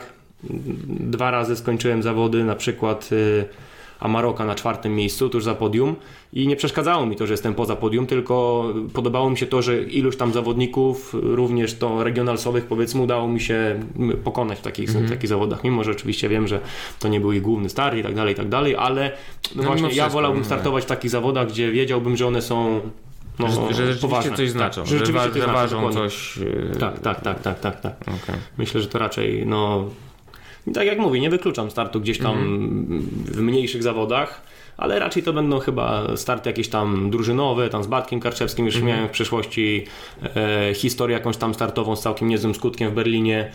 E, fajne, to jest taka no, ro- rodzaj zabawy, tak? Ale to w aktywnej, tej chwili już chyba bardziej dla ciebie jest y, startowanie, czy w ogóle, no może bardziej koncepcja startowania, no bo nie startowałeś od roku, tak jak już tak, powiedzieli. Ale sama koncepcja startowania to już bardziej hobby już chyba w tej chwili niż cel rzeczywiście jakiś. E, tak, był taki moment w moim życiu, gdzie w zasadzie postawiłem trenowanie i, i startowanie w zawodach wyżej niż moją pracę zawodową nawet. E, aczkolwiek ja wiedziałem, że to nie, nie, nie będzie nie wiadomo jak długo trwało, bo no, wiedziałem, że w pewnym momencie przyjdzie granica jakaś, którą będzie mi ciężko przekroczyć dalej bez jak gdyby jakiegoś tam wspomagania. A no, był to taki czas po prostu, kiedy doszedłem do wniosku, że chcę spróbować, tak? Również no, jakąś tam karierę sportową, chociaż to chyba za duże słowo jednak, ale, ale gdzieś tam jak gdyby ty, to poważnie ruszyć, tak? Ale już w tym momencie zdecydowanie rozwijam się bardziej jako lekarz weterynarii i trenuję zdecydowanie bardziej. Mm, nie powiedziałbym, że lżej wcale, bo to nie są lżejsze treningi, tylko to są treningi, które nie przygotowują mnie pod 21, 15, 9, nie przygotowują mnie pod, no nie wiem, jakieś tam zadania takie typowe z zawodów, tak? Tego Bardziej pilnowanie swojej sprawności Tak, tak, tak, i tak. zdrowia niż tak, dokładnie rozbudowywanie tak. jakichś jak najbardziej treningi cel. interwałowe robię, tylko używam do tego innych narzędzi zupełnie, tak? Nie mam rwania w interwale, tak? Używam do tego innych narzędzi, tak? Mam dzień tlenowy, gdzie no, trening trwa powiedzmy 40 minut, tak? I to jest też no, rodzaj jakiegoś tam crossfitu i też są inne narzędzia do tego. Też podnoszę ciężary jak najbardziej, buduję siłę i tak dalej. Tylko że to już nie jest takie jak gdyby formule przygotowującej pod to, co mnie spotka na zawodach to nie musi znaczyć jak gdyby, że na takich zawodach bym sobie całkowicie nie poradził, bo jak gdyby no, w ostatnich miesiącach mojej kariery zawodniczej e, przygotowywali mnie właśnie chłopaki z, z zaściany, z trening clubu i oni dowiedli tego, że ja uważam, że ten trening był wyjątkowo rozsądny. To nie był taki typowy crossfit, crossfit. To było właśnie na podobnej zasadzie. Jak interwały, to będziesz robił burpee, aż się zżygasz. Bo na burpee się nie wysypiesz, bo nic sobie nie, nie, nie zrobisz, tak? Mhm, Będziesz kręcił airbikiem tak, że będziesz spadał nieprzytomny i byś spadł na coś miękkiego, tak? Na, na, na takiej zasadzie to było. Jak były podnoszenia ciężarów, to też. Oczywiście już jak te stricte przychodziły przygotowanie do podzawody, no to wtedy już trzeba było wprowadzić tą sztangę, barbell tak, żeby jednak- tak, y, żeby, żeby jak gdyby oswoić się z tym porobić wszystkim. to, ale tak, tam ale, ale tam było jak gdyby dużo takiego przygotowania ogólnego i oni dowiedli tego i pokazali i to również jak gdyby mi otworzyło oczy, że da się przygotować do takich zawodów no e, rozsądnie, nie trenując tak naprawdę typowego crossfitu codziennie, tylko jak gdyby no, trening funkcjonalny nazwijmy to, tak? Da Ale do tego- w, ogóle chyba, mm, jeżeli wierzyć oczywiście temu, co oficjalnie mówią te osoby, ale na przykład Anita Rizdottir mówi, że e, ona w ciągu tygodnia taki typowo, coś co można by było nazwać treningiem typowo Mhm. crossfitowym, to robi raz, góra dwa razy w tygodniu. A reszta jej treningów to są Tak. jakieś siłowe, techniczne, albo właśnie takie typowo wydolnościowe. Akcesoryjne, tak, dokładnie, ak- akcesory. Jakby nie patrzeć tak, ja myślę, że jak gdyby no, crossfit to jest wciąż na tyle młoda, młody sport, że to Wszyscy się jeszcze, uczą to tego, jeszcze cały czas podejść, ewoluuje, nie? dokładnie, tak. Myślę, że 5 lat temu jeszcze to wyglądało tak, że ludzie myśleli, że być dobry w crossficie to trzeba robić crossfit codziennie, Mhm. a teraz już się okazuje, że no wiadomo, najważniejszym elementem jest siła, tak? Jeżeli jej nie zbudujesz, no to nie utrzymasz się na drążku odpowiednio Mhm. długo, ani na sztandze, ani na niczym, tak? Także już teraz jest do tego coraz to inne podejście i to podejście ewoluuje, tak? Kiedyś zakładam, że te pierwsze zawody crossfitowe to pewnie wyglądały tak, że właśnie zbierali się ludzie, którzy uważali się za sprawnych i zobaczymy co będzie. A teraz, y, kurde, no zawodnik ma trenera od przygotowania tlenowego, beztlenowego, siłowego, podnoszenia ciężarów, to już jest no zdecydowanie inna ranga niż była kiedyś, tak mi się No, to, jest, to jest tak samo jak e, z osobą, z, całym sportem jest tak samo jak e, z jedną osobą, która przychodzi pierwszy raz na crossfit. Na początku niezależnie od tego, co będzie robić, Tak, tak, tak. to będzie zajebisty progres. Dokładnie tak. No, nie- no, może Tak robić jest, cokolwiek i nawet źle technicznie, no on nie wysypie się od razu, no nie zerwie sobie od razu To dwugłowego czy zależy tam, jaki nie? człowiek, tak? Jeżeli Znaczy, taki no tak, człowiek no umiarkowanej sprawności przyjdzie na crossfit, to może się okazać, że po dwóch miesiącach w przysiadzie przyjdzie mu wiesz, 40 kilo nagle, tak? To oczywiście się nie dzieje w przypadku osób, które już są wytrenowane Tak, jakoś. tak, właśnie o tym mówię, że to chodzi o, po, o Tak, taki tak, poziom tak, powiedzmy tak, bazowy, jeżeli weźmiemy Jak i ktoś przychodzi tak. po raz pierwszy, to ma nagły skok formy, ale im dalej w las, tym bardziej trzeba kombinować, tym tak, bardziej tak, trzeba tam jest, jakieś taki, szczególiki. tak, to jest też taki moment czasami, I- że ktoś, kto naprawdę świetnie rokuje, że widać, że ten progres ma, że ma kurczę, no e, jakiegoś rodzaju predyspozycję Mhm. do startowania w zawodach, robi ten ogromny progres, progres, progres i nagle się okazuje, że ten progres gdzieś tam zaczyna zwalniać, to takie osoby bardzo szybko właśnie na tym etapie mówią, e, już to tak nie działa, nie? I już odpuszczają wtedy. Tak, bo jakby jest tak. wydaje im się, że muszą. Oczywiście ja się kurwa nie znam, bo ja nie jestem trenerem, ani zawodnikiem, ale wypowiedzieć się mogę, nie? Ale tak mi się wydaje, że to jest trochę tak w przypadku niektórych osób, oczywiście nie wszystkich, że w pewnym momencie, no właśnie na początku mają ten progres, jest zajebiście, wszystko idzie fajnie. I w pewnym momencie ten progres zaczyna zwalniać i wiele osób, moim zdaniem, wielu osobom, moim zdaniem, wydaje się, że powinni w tym momencie robić więcej tego, co robili do tej pory, no bo skoro zwalnia progres, znaczy okej, to teraz muszę dołożyć więcej tego, co robiłem do tej pory, zamiast zastanowić się nad tym, że może po prostu to Coś jest ten etap, robi, tak. że do tej pory to, co robiłem, było super i to mi dawało super efekt i było fajnie, natomiast w tej chwili może ja już Trzeba coś potrzebuję, zmienić, tak. tak, czegoś zupełnie innego, nie? No tak, ale to jest taki właśnie moment, gdzie wiele osób właśnie, i to uważam odróżnia ludzi, y, tych, którzy wyrosną na naprawdę dobrych zawodników, nie będą się przejmowali tym, że chwilę, chwilowo się zatrzymali, tylko absolutnie oczy skierowane tylko na cel, od tych, którzy gdzieś tam no, na pół gwizdka działają, tak? Oni też próbują startować w zawodach, później się dziwią, że tam właśnie no, nie, nie, nie poszło im czy coś, ale to myślę, że to jest jak gdyby ten, ten właśnie moment, że, że jak ktoś ma aspiracje zawodnicze, to po pierwsze trzeba mieć dobry program treningowy, dobrego trenera, kogoś, kto naprawdę mm, ogarnia takie tematy, a poza tym trzeba mieć naprawdę głowę przede wszystkim odporną, tak? Uważam, że w sporcie psychika to jest no, bardzo, bardzo wysoko, bardzo no, ważne. Moim bardzo zdaniem to jest ważniejsze nawet niż. Znaczy, no wiadomo, że jak ktoś jest tetraplegikiem, no, no, to, a ma zajebiście silną psychikę, to będzie mu ciężko wygrać gamesy. To, to Tak, wiadomo, że to musi jednak No iść ale w oni wszyscy osiągają pewien pułap sportowy, umówmy się, że to nie są nie wiadomo jakie przepaście między sobą. Dokładnie. A jednak psychicznie różnie to Że w, wygląda. pewnym, tak? że w pewnym momencie na tym naj, naj, najwyższym poziomie Ktoś będzie umiał zrobić ten... fizycznie tak. jakby zmierzyć tam. Jakimiś y,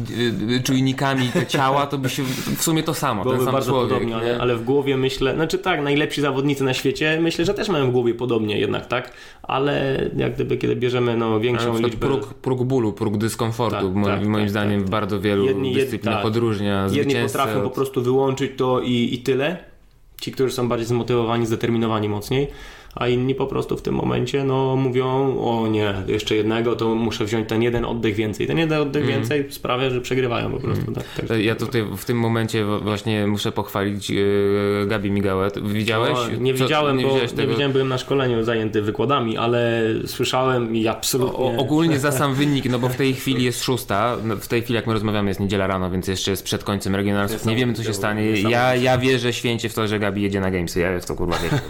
Nie wierzę w nic innego. Ale kciuki, naprawdę. e, w, konkretnie w tym evencie e, tej Lindzie, czy jakiej tam No. Grażynie, czy jak ona się nazywa? Grażynie można Grażynie. E, jak zaczęło ją łapać skurcze, w osta- ostatnie powtórzenia, dosłownie miała tam ostatni bench press i ostatni clean do zrobienia. I zaczęły ją łapać takie skurcze w nogach, bo wcześniej te bieganie, które zresztą wygrała, skakanki, nie skakanki, że by, p- pokazywali ją po prostu, no nie była w stanie się położyć nawet na tej ławce, bo automatycznie ją łapały skurcze w nogach, a mimo wszystko zagryzła zęby i z tymi przykurczonymi nogami, których nie była w stanie nawet zginać, mimo wszystko, wiesz, skończyła ten trening. Ja, ja Gabi nie znam osobiście. Niemniej jednak oczywiście pozdrawiam serdecznie. Pozdrawiamy, ja, ja, ja, ja znam. Pozdrawiamy. Pozdrawiam. Yy, ale uważam, że tak z moich obserwacji powiedzmy internetu i jej startów w zawodach i tego jak się gdzieś tam wypowiadała, chociaż była u Ciebie chyba też. Była, była, z tobą, z- ale z- nie z miałem trenerem jeszcze obejrzeć. życie. W każdym razie uważam, że ona jeżeli chodzi o stronę fizyczną to jest oczywiście przygotowana nieprawdopodobnie dobrze, Mhm. no to nie ulega żadnej wątpliwości, ale jednocześnie psychikę ma poukładaną najlepiej Tak. z polskich zawodniczek wszystkich. Mi się, mi się tak Widać, wydaje że właśnie, jest- że mimo tego, że tak. jest najmłodsza, no bo Tak, ma 19 lat, Jest zajebiście dojrzała, jeżeli Gabi nie spierdol o... tego, to tak. tyle chciałem w skrócie powiedzieć, naprawdę, nie, ale naprawdę mówię serio, bo y, Żebyśmy nie musieli przyjść jeszcze raz Żeby- nagrać czegoś zupełnie innego. dokładnie, że, bo, no, No, no, no, no, no. nie, naprawdę, jestem pod niesamowitym wrażeniem tej dziewczyny za każdym razem, kiedy gdzieś startuje.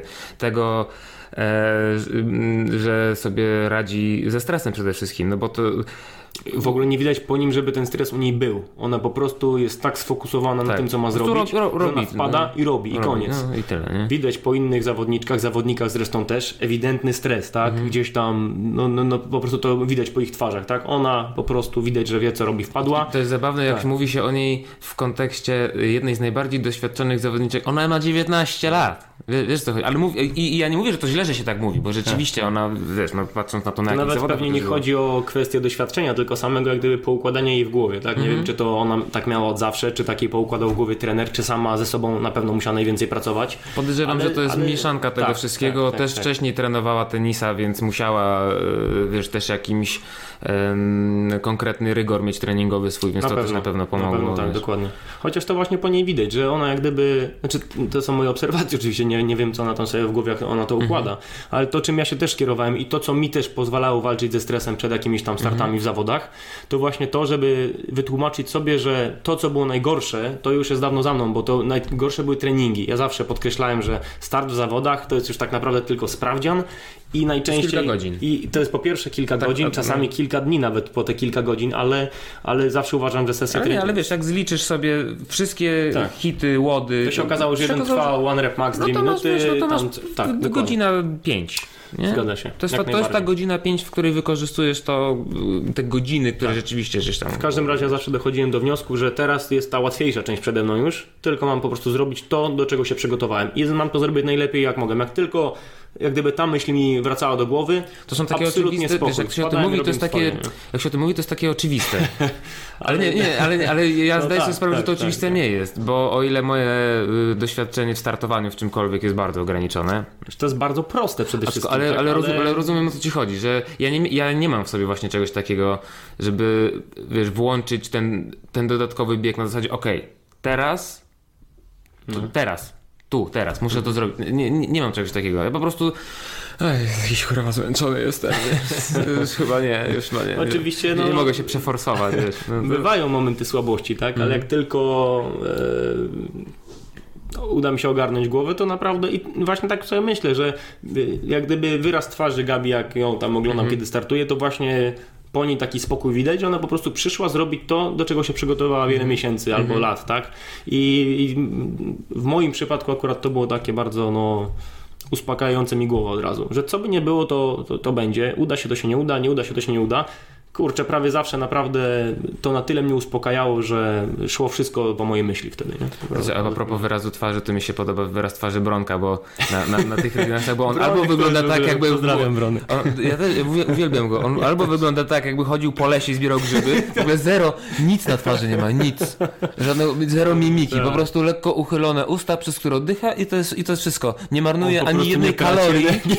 Tak, nie marnuje ani Tak. jednej kalorii na kontrolowanie mięśni twarzy, albo z drugiej strony, jak schodził z bieżni i bieg, bieg na metę, to tam jak mi się nie chce. Tak, tak strasznie, strasznie Tak, e, fa, fajnie on też e, reaguje. Ja jestem wielkim obserwuje. fanem Bronka, odkąd zacząłem trenować, to w zasadzie równolegle gdzieś zaczęliśmy startować w tych Mhm. zawodach i naprawdę świetny człowiek, prawda, bardzo fajnie. Mhm. Znam go osobiście trochę lepiej, bo z nim startowałem też w drużynowych zawodach na Cyprze, które udało nam się wygrać. E, rywalizowaliśmy ze sobą, no ja nie zliczę ile razy i to, co mi się podoba bardzo oczywiście w tym wszystkim, to to, że raz on był gdzieś tam przede mną, raz ja troszeczkę przed nim. Oczywiście dzisiaj to jest zawodnik absolutnie dla mnie nie do doścignięcia w ogóle, wy, wyszedł poza swoją klasę absolutnie gdzieś tam, ale zawsze mi się rywalizowało z nim świetnie, bo po nim było widać jak gdyby, że on no nie wiem, mm, to nie była taka czysta rywalizacja, tylko ja czułem, że to było coś w rodzaju takiego no fajnie, że ci się udało, nie? Piąteczka, Mhm, na takiej zasadzie i czułem z jego strony, że to było naprawdę szczere. Znam, znam takie osoby, które Mhm. podchodziły po wygranych zawodach przeze mnie, mi zbijały piątkę i widziałem, że zaraz się takie- przewrócą i umrą, nie? Zrobiły A po nim było wypadało, naprawdę nie? widać zawsze, że to jest super szczere. No i z mojej strony tak samo dokładnie w drugą Mhm. stronę działało. Nie? Ja bardzo lubię tego człowieka, naprawdę uważam, że należy mu się kurde y, finał jak psu miska, naprawdę. To ile on włożył pracy w swoje treningi i to jakim jest człowiekiem, jakim zawodnikiem, to uważam naprawdę, że jakbym jedną osobę wybrać z Polski, to wybrałbym Brączka. Czysto matematyczną szansę na wejście do Gamesy ma. No i Ja, tego ja, się prawda, ja, tego ja, się ja będąc osobą ostrożną w swoich ocenach, co prawda dzisiaj rano wrzucając post z, z rozpiską tego, kto kiedy startuje, napisałem, że Bronek walczy o wejście do top 10. No nie, no ja liczę. Ja, znaczy ja, Znaczy, po pierwsze, ja, ja- nie śledzę. Ja ale, mówię od samego, chciałbym ja mówię od samego początku. Ja, ja Bronkowi kibicuję na, na tych regionalsach. Ja bym bardzo chciał. Natomiast ja, ja do, do tego podchodzę ostrożnie, nie wiem, może nie, by nie zapeszać czy coś. Może tak. No. W przypadku Gabi nie zapeszam, y, po prostu ja, ja po prostu wiem. Ja po prostu koniec, wiem i to jest koniec. Tak, Ona po tak, prostu tak. leci i będzie. A powiedz mi, ty my, myślisz, że w zeszłym roku właśnie w okolicach Open, w okolicach tych zawodów w Renie, to ty byłeś w największym sztosie, w jakimś byłeś w stanie być, ale tak w ogóle ever? Czy było coś jeszcze więcej? W sensie, czy ty byłeś w sztosie największym, stwierdziłeś, ok, to jest moje, moje 100%, Mhm. te 100% nie pozwala na to, żeby pojechać na region czy na gamesy i okej, już sprawdziłem te swoje 100% kończę, czy, czy po prostu w, w pewnym momencie stwierdziłeś, że dojście do tych 100% wymagałoby za dużego poświęcenia, żeby... i stwierdziłeś, że nie chcesz tego po prostu. Odkąd ja w Czy zasadzie to było zacząłem... 100% Huberta, czy 79%? Odkąd, odkąd y, zawodniczo tam trenowałem, czyli kilka ostatnich lat, w zasadzie nie miałem takiego momentu, żeby zanotować regres jakiś. Mhm. Cały czas stopniowo do przodu. Nie było tak, że jakieś tam maksy sprawdzałem gdzieś tam w programie treningowym były i żebym gorszy wynik zanotował. Chyba się tak nigdy nie zdarzyło, tak? Pewnie, że są dni lepsze i gorsze, ale myślę, że cały czas szedłem do przodu.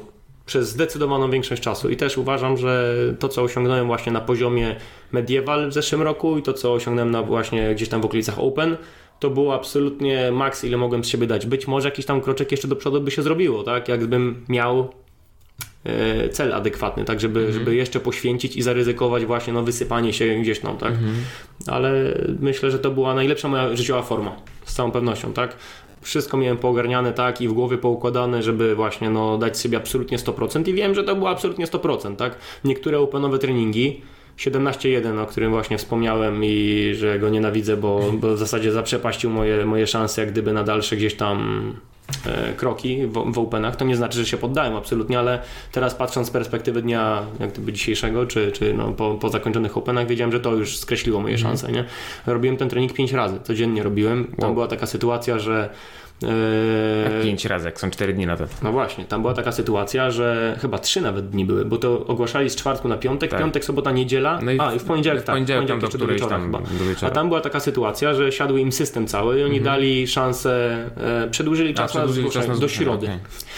Okej. I jak ja już byłem absolutnie zniszczony po pierwszym podejściu w piątek, A co tam było w 17.1, bo już nie pamiętam. tam były rwania alternating, nie, nie alternating chyba, nie, alternating, rwania dwa- 22,5 kg handlem nad głowę, Mhm.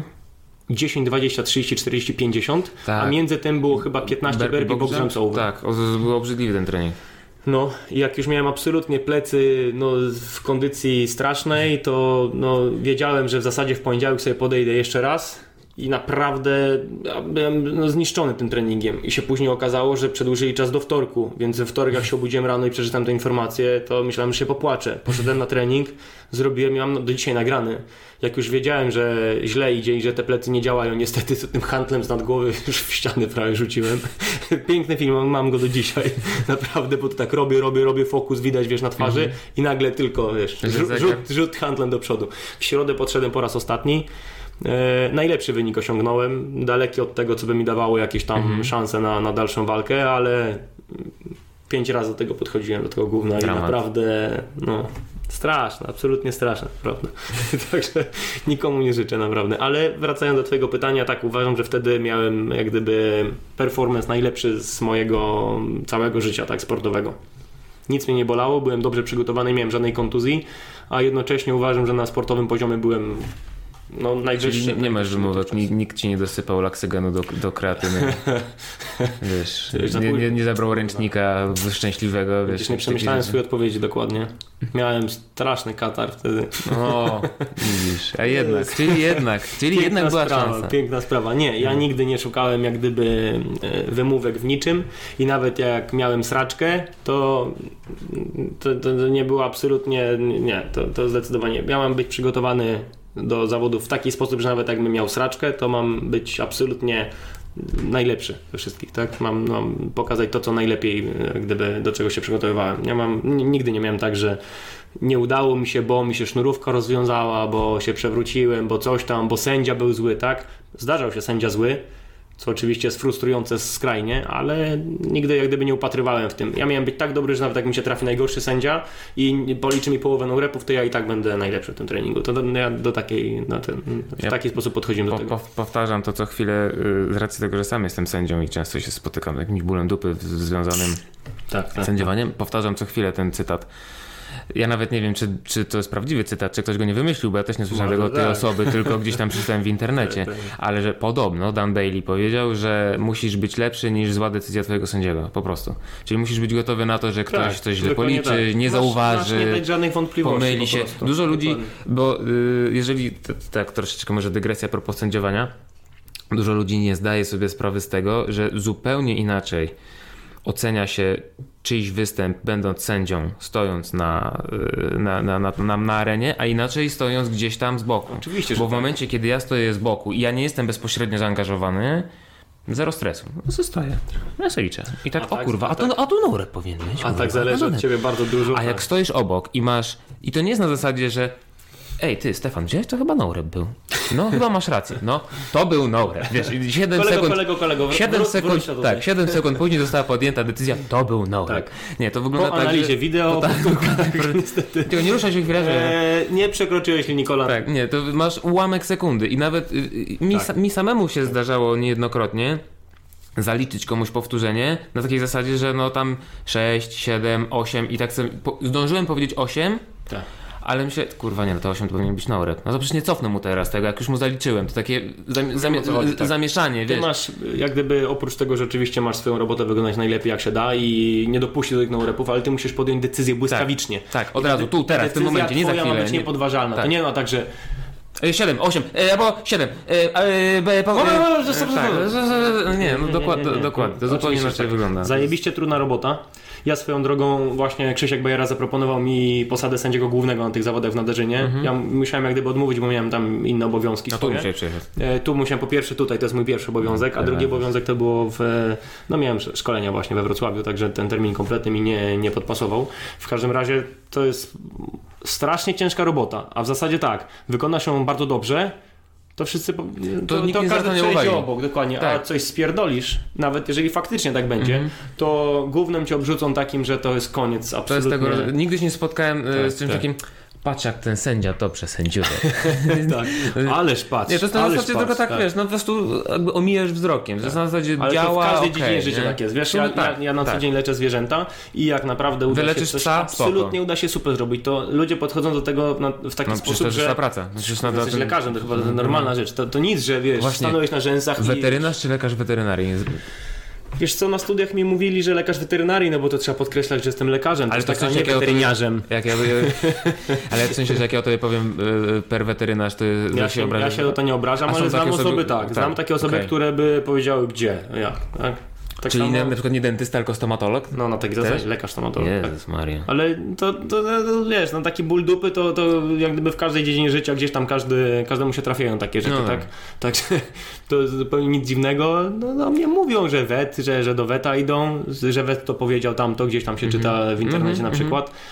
Weterynarz, weteryniarz, lekarz weterynarii brzmi najbardziej dumnie oczywiście, no bo A ja jakbyś się musiałem- zrobił taką koszulkę do treningu weteryniarz? Najsprawniejszy w weteryniarz. zasadzie to jest, znaczy nie wiem, z żadnym chyba innym. Albo ty, może to jest. Czekaj, bo, bo lekarze, usług lekarskich chyba nie można w social media reklamować, natomiast Weterynaryjnych też nie. Też nie, ale możesz jako lekarz mieć profil, mi się wydaje. Tak, tak, tak. To tak, może to jest jakaś nisza, taki fit weteryniarz, mogli założyć na Instagramie Tak, tak, i być na tak. przykład, posłuchaj, bez koszulki, piesek.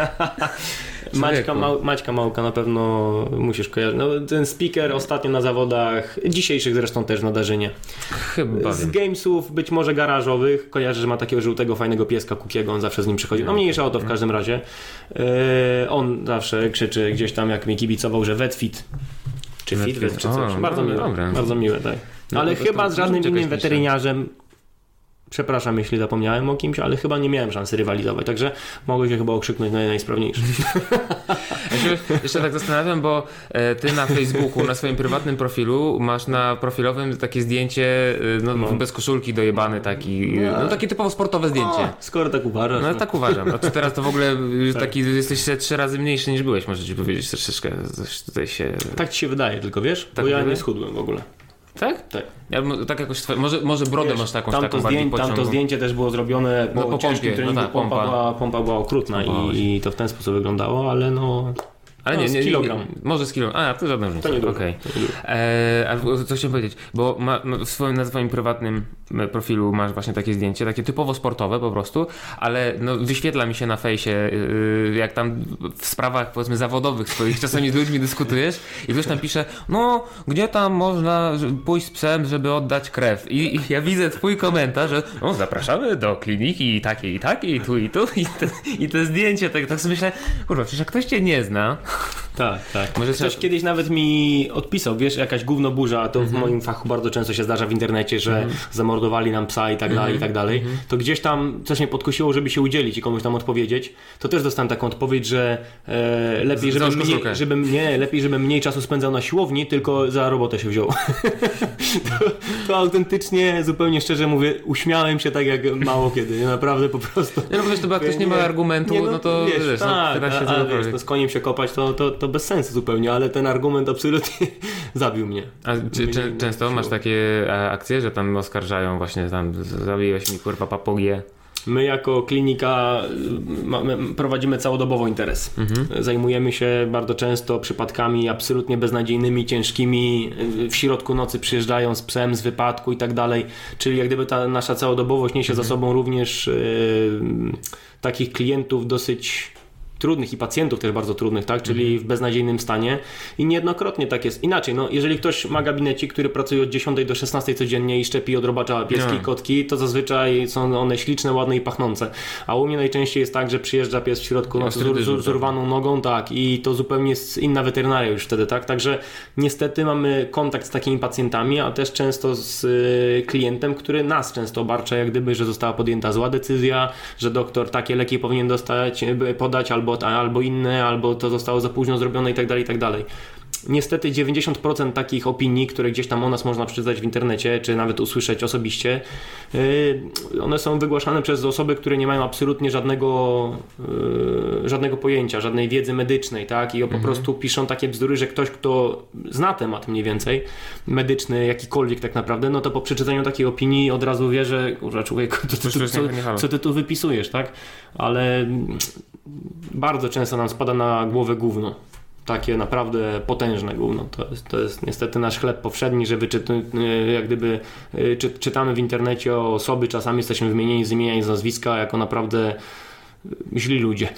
Delikatnie No tak, a z drugiej strony też tra- trafiają się na pewno, wie pan, bo takie sytuacje, że wie pan, bo tutaj pies ma sraczkę od 7 dni i już wiesz, już ledwo żywe te zwierzę i tak myśleliśmy, że, Tak, no, tak, myśleliśmy, że może mu przejdzie.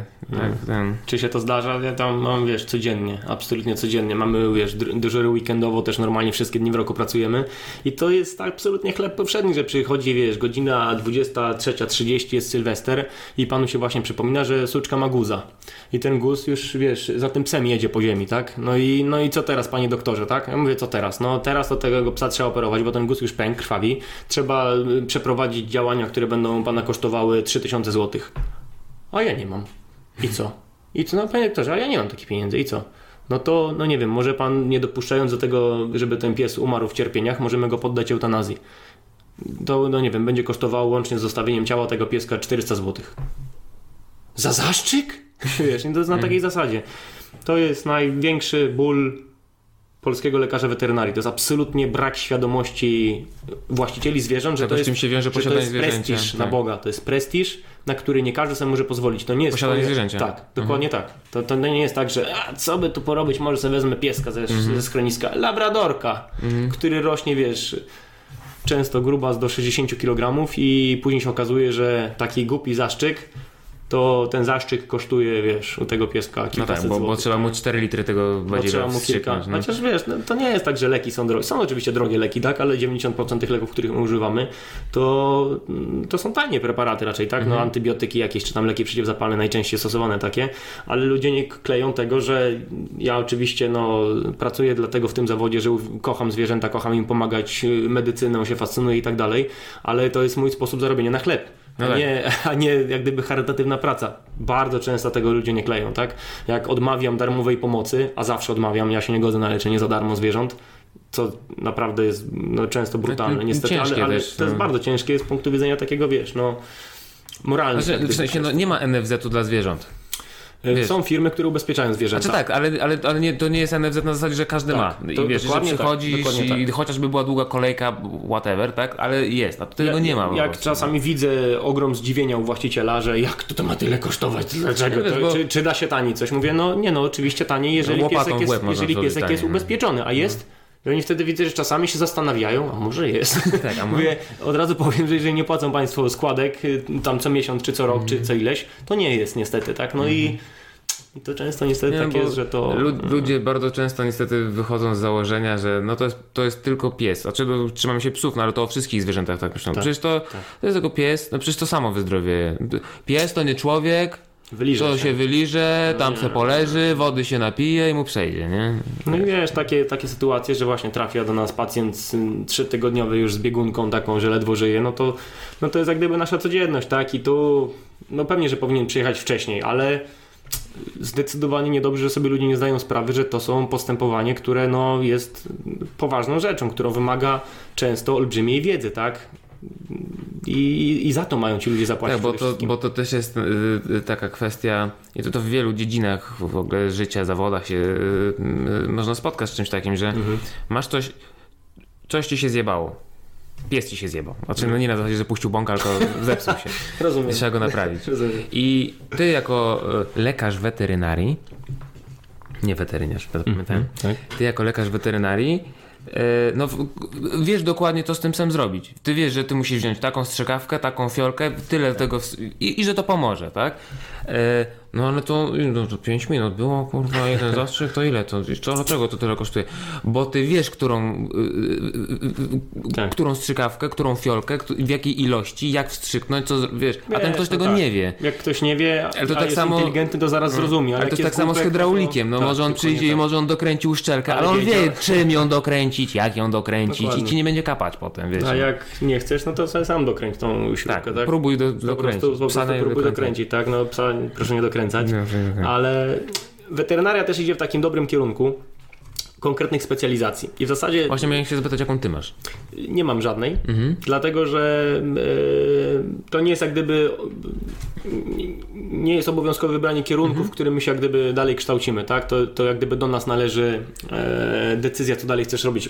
Kończąc studia weterynaryjne, możesz iść leczyć krowy, możesz iść do kurnika, Właśnie, bo nie ma na pracować- samych studiach w sensie, Nie że ma, idziesz, nie ma, nie ma, od razu nie ma, idziesz w krowę, albo od razu idziesz w papugę, albo... E, nie ma. Na studiach, Okej. kończąc studia, co uważam jest złe, ale to jest jak gdyby odrębny temat i bardzo głęboki, to jest e, tak wygląda, że kończąc studia dostajesz mm, prawo wykonywania zawodu Mhm. za chwilę, dyplom i możesz robić z tym, co chcesz. Jeżeli przyjdzie Ci ochota na operację na otwartej klatce piersiowej, proszę bardzo, nikt Cię za to nie, nie nikt Cię tego nie zabroni niestety. I to jest olbrzymie Mhm. Czyli nie zagrożenie. masz specjalizacji chirurg y, dużych Eee, zwierząt albo coś takiego. Nie, nie, nie. Są specjalizacje, które, za które się można zabrać tam dwa lata po zakończeniu studiów, już Mhm. jak gdyby na własną rękę, to nie jest obowiązek żaden, ale możesz się tak gdyby dalej kształcić. Są takie ogólne specjalizacje jak chirurgia małych zwierząt, jest choroby psów i kotów, taka specjalizacja, jakieś tam, no takie ogólne, jak gdyby o krok dalej można pójść. Taka, jaką ja bym chciał akurat w Polsce nie istnieje, bo ja w neurologii się jak gdyby dokształcam sam, powiedzmy, tak, na, na, na własną rękę odwiedzam szkolenia w, e,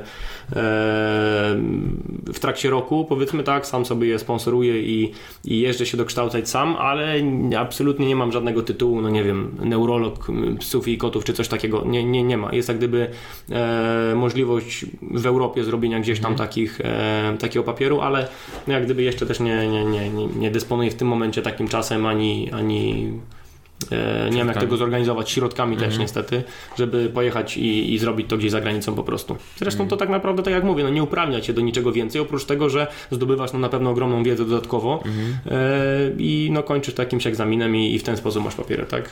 Mój ojciec na przykład jest, e, no, pracujemy razem w jednym miejscu, Mój ojciec jest właścicielem tej kliniki, e, ma specjalizację chirurgii e, małych zwierząt, tak? On się zajmuje głównie ortopedią, czyli te Mhm. Jak- wszystkie... Jak się definiuje małe zwierzęta? W sensie, że jest to też małe zwierzę? Tak, tak, Okej. tak, jak najbardziej. My się zajmujemy głównie psami i kotami, tak, No, no, 90%. te, większość ludzi to ma jak się, akurat w jak domu. się nie? trafi jakiś tam mniejszy zwierzak. ci się kiedyś jakiś pyton albo coś, jakiś taki coś pojebanego? Każdy mnie o to pyta, na szczęście nie. nie, słuchaj, ja nie ukrywam, jak gdyby mam na tyle dużo dystansu do swojej wiedzy, że odsyłam takiego pacjenta momentalnie, tak? Ja, ja nie, nie, nie znam się po prostu na tym, tak? Tak jak lekarz, y, że tak powiem, człowieka, no to ma wyleczyć człowieka małego, dużego y, albo tam jeszcze jakiegoś, a u mnie jest A tak, budowa że... pytona trochę się różni A od budowa kota. pytona się trochę różnie tak. Mało tego, no kot to nie jest mały pies też, tak? Także to też no tak. zupełnie inaczej. No, także to tutaj zdecydowanie już, ale i to jak gdyby wracamy do tematu tego specjalizowania się i coraz szerzej gdzieś tam e, wędrowania po konkretną specjalistyczną wiedzę. Są miejsca, które zajmują się tylko małymi zwierzątkami, takimi typu gryzonie na przykład, tak? I się specjalizują w chorobach tego typu, jak gdyby zwierząt, tak? No, tak jak mówię, no my zajmujemy się głównie psami i kotami i staramy się absolutnie nie dotykać do czegoś, na czym się nie znamy, tak? My jak gdyby na naszą domeną jest właśnie chirurgia, jest intensywna terapia, neurologia, jak najbardziej mamy też kogoś, kto się zajmuje kardiologią, dermatologią, e, diagnostyką obrazową, szeroko pojętą i tak dalej, ale jak gdyby na rzeczach, których się nie znamy, to się nie dotykamy do tego, czego niestety wielu innych lekarzy nie robi, tak? Oni jak gdyby no, muszą pokazać przed klientem, że są nieomylni, że się znają na wszystkim najlepiej i tacy niestety często pacjenci do nas później trafiają już jako do konsultacji właśnie e, specjalistów. I jak gdyby, tak jak mówię, no do tego to dąży, że myślę, że najbliższe lata pokażą, że tak samo jak w medycynie ludzkiej, te specjalizacje są w zasadzie no, na porządku dziennym, tak? Możesz pójść do lekarza pierwszego kontaktu, ale zazwyczaj stamtąd od razu cię wysyłają gdzieś tam, tak? Jak przyjdziesz e, ze sraczką, to cię wyślą do jakiegoś gastroenterologa, jak przyjdziesz z jakimś tam innym zaburzeniem, to cię wyślą do ortopedy i tak dalej, i tak dalej. I myślę, że weterynaria też idzie w tym kierunku na szczęście, także przyszłością jest absolutnie wyspecjalizowanie się w czymś, trzeba być w tym bardzo dobrym i, i wtedy nie ma jak gdyby problemu. I też jak gdyby jeszcze wracając do tematu sprzed chwili, troszeczkę wcześniejszego, kwestia zapłaty. Jeżeli ktoś już był u czterech i ci czterej mówią, że oni nie za bardzo rozumieją albo leczenie jest po prostu nieskuteczne i trafia wreszcie na konsultację do mnie, powiedzmy neurologiczny jakiś pacjent, to ci ludzie wtedy też rozumieją, że to już będzie kosztowało, tak? Że to, to nie będzie wizyta, która będzie kosztowała 20 zł zastrzyki do domu, tylko to wymaga jakiegoś mojego odniesienia się do czyichś opinii, muszę je podważyć albo mm, potwierdzić, tak?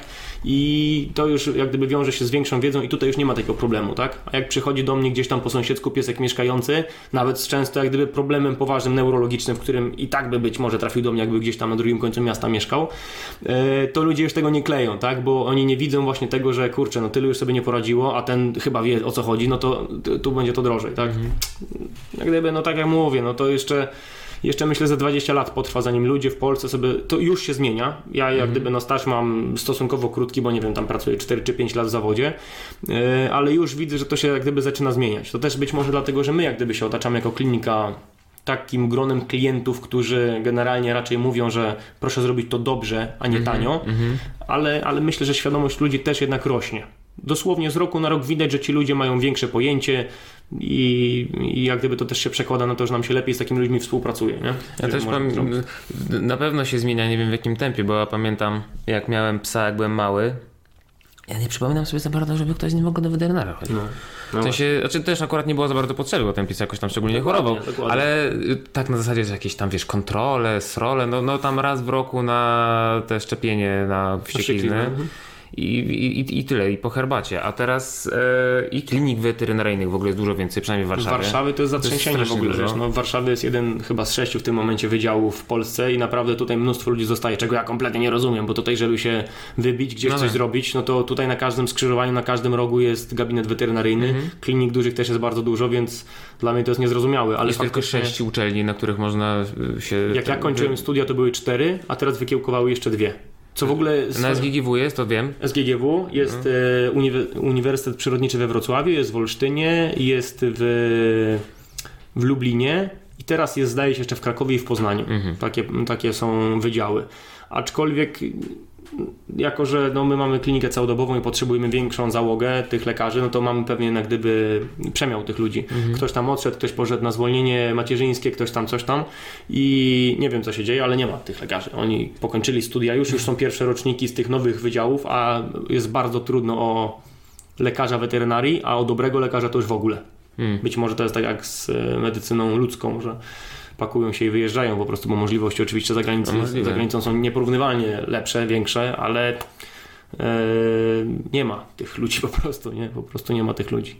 Albo sobie wyobrażają, że no nie wiem, będą właśnie przyjmować pieski, kotki, one będą pachnące, ładne no tak. i będą się przytulać z nimi, a my jednak, tak jak mówię, no my zupełnie inną pracą się zajmujemy tak naprawdę. Nie? No tak, bo nogi w, w, momencie, kiedy ktoś sobie, szczególnie powiedzmy, a, a ty Marysiu, kim byś chciałaś być? No weterynarzem.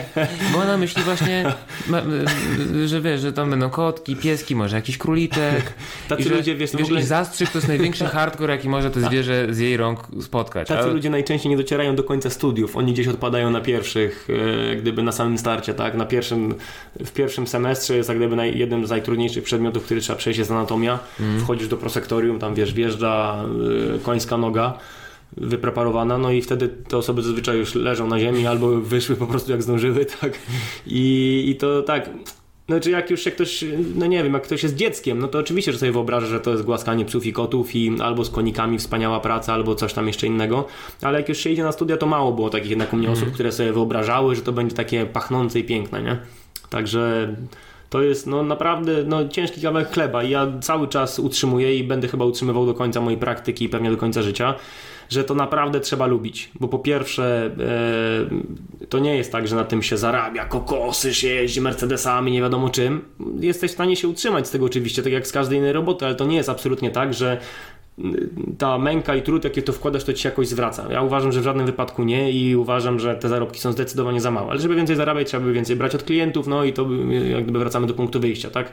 Bo oni nie są przyzwyczajeni do tego, że to musi kosztować i, i, i tak to wygląda niestety. Także to no, brutalna polska rzeczywistość. Zmienia się to, ale a, ale wolno. A bycie trenerem w tym wszystkim to jest yy, hobby, czy musisz dorabiać do bycia wy, wy, wy, lekarzem weterynarii? Nie, wiesz co, to nie tak, że muszę. Ja co prawda decydując się na bycie trenerem, bo ja zostałem trenerem w taki sposób, że właściciele tego boksa, w którym już nie jestem związany, mhm. przyjechali do mnie i powiedzieli Hubert, słuchaj, jesteś fajnym gościem i mam wrażenie, że masz smykałkę do uczenia ludzi innych, yy, czegoś tam i czy byś chciał zostać trenerem, bo my chcemy otworzyć boks. Ja powiedziałem, że kurde, w zasadzie no zawsze podobało mi się uczenie mhm. i nie tylko to mówię jak gdyby o kwestiach e, sportowych, ale też miałem przez moment jakiś pomysł, żeby na uczelni zostać, mhm. gdzieś tam naukowo się trochę kształcić, dalej też prowadzić jakieś tam no, wykłady czy zajęcia.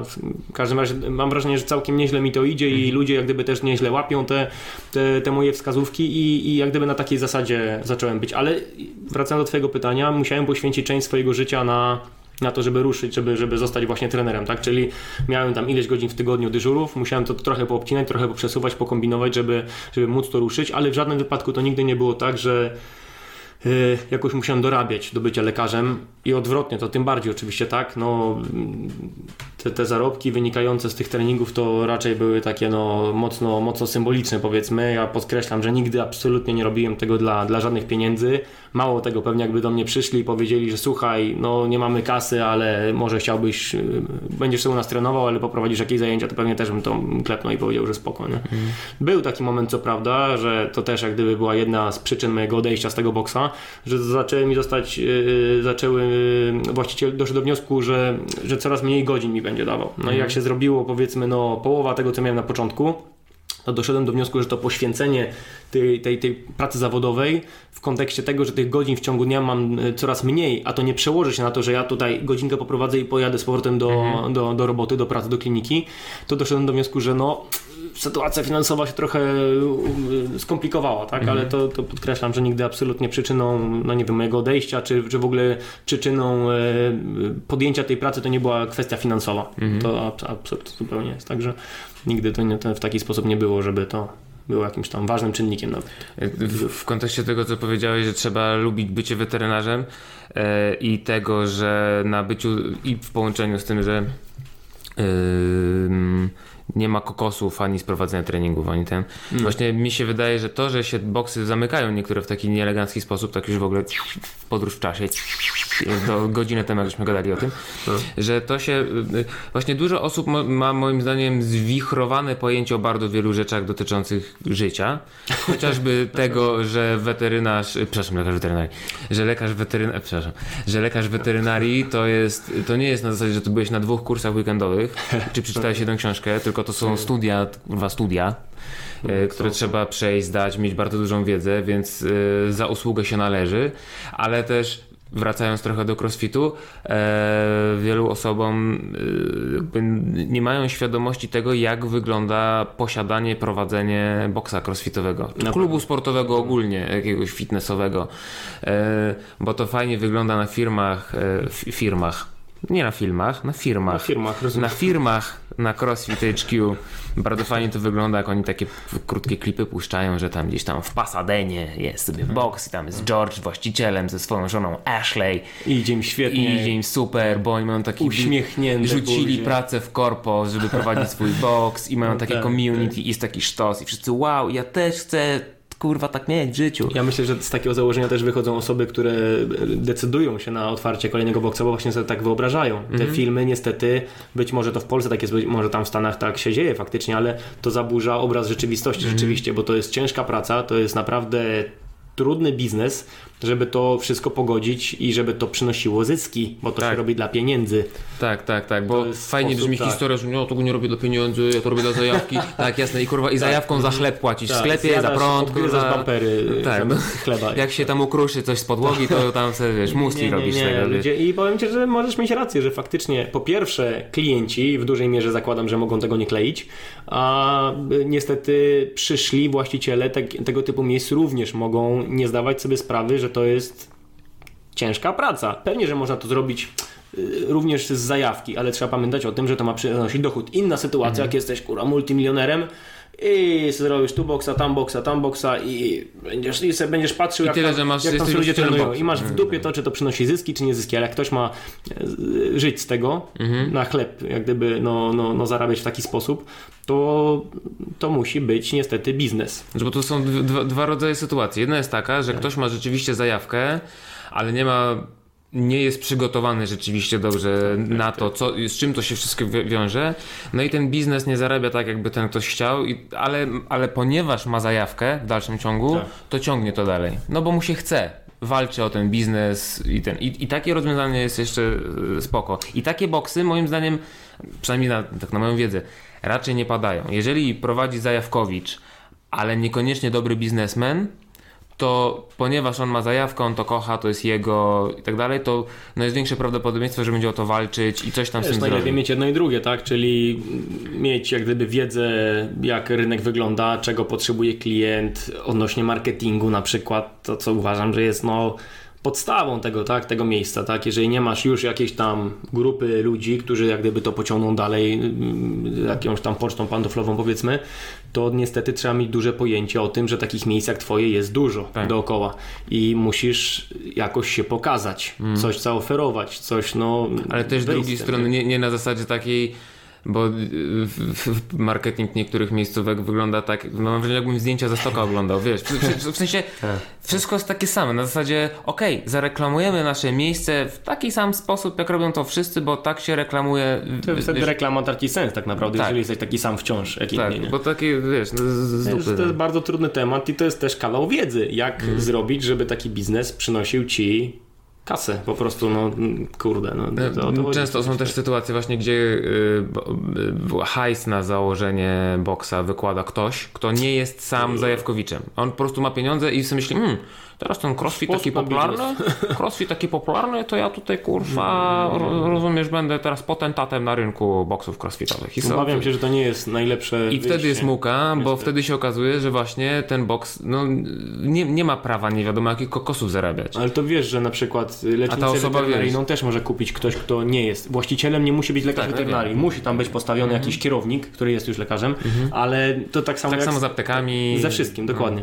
Czy może nie ze wszystkim, ale z wieloma tego typu. Ale Ale to tak jak mówisz, jeżeli to jest faktycznie strzał w dziesiątkę i ten ktoś, kto nie ma styczności z crossfitem, ale zrobił super research rynku i on wie, co jest potrzebne, albo po prostu zatrudnia osobę, która wie, a on tylko liczy pieniążki, okej, no może się udać, ale mam wrażenie, że to najczęściej jest na takiej zasadzie właśnie zachcianki. Co by tu z tym pieniędzmi Tak. zrobić, jakąś inwestycję, może w box crossfitowy. Jeżeli on w to nie wsiądzie naprawdę dosyć mocno, to to nie jest y, kura znosząca złote jajka, Dokładnie. która będzie te pieniądze przynosiła nagle i ich będzie no, mnóstwo i tylko trzeba będzie je liczyć, tylko temu trzeba się troszeczkę poświęcić, tak? Tak, bo to albo, albo musi być tak, jak ty powiedziałeś, na zasadzie, że ktoś po prostu nie ma co z pieniędzmi robić, to sobie otworzy trzy boksy i chuj, i se będą. I sobie, dokładnie. Se będą. Niech sobie, niech sobie egzystują, skoro to i tak nie Albo stać. na zasadzie takiej, że no, otwierasz ten boks i biegasz dookoła niego, bo w momencie, kiedy otwierasz boks, ale nie jesteś sam trenerem, w sensie nie macie tam na miejscu, to nie ty prowadzisz treningi, no to masz już o jedną czy dwie osoby więcej, które musisz zatrudnić Tak, i im też zapłacić więc już dokładnie. ileś tam mniej pieniędzy masz z racji tego, jeżeli ty jesteś tylko,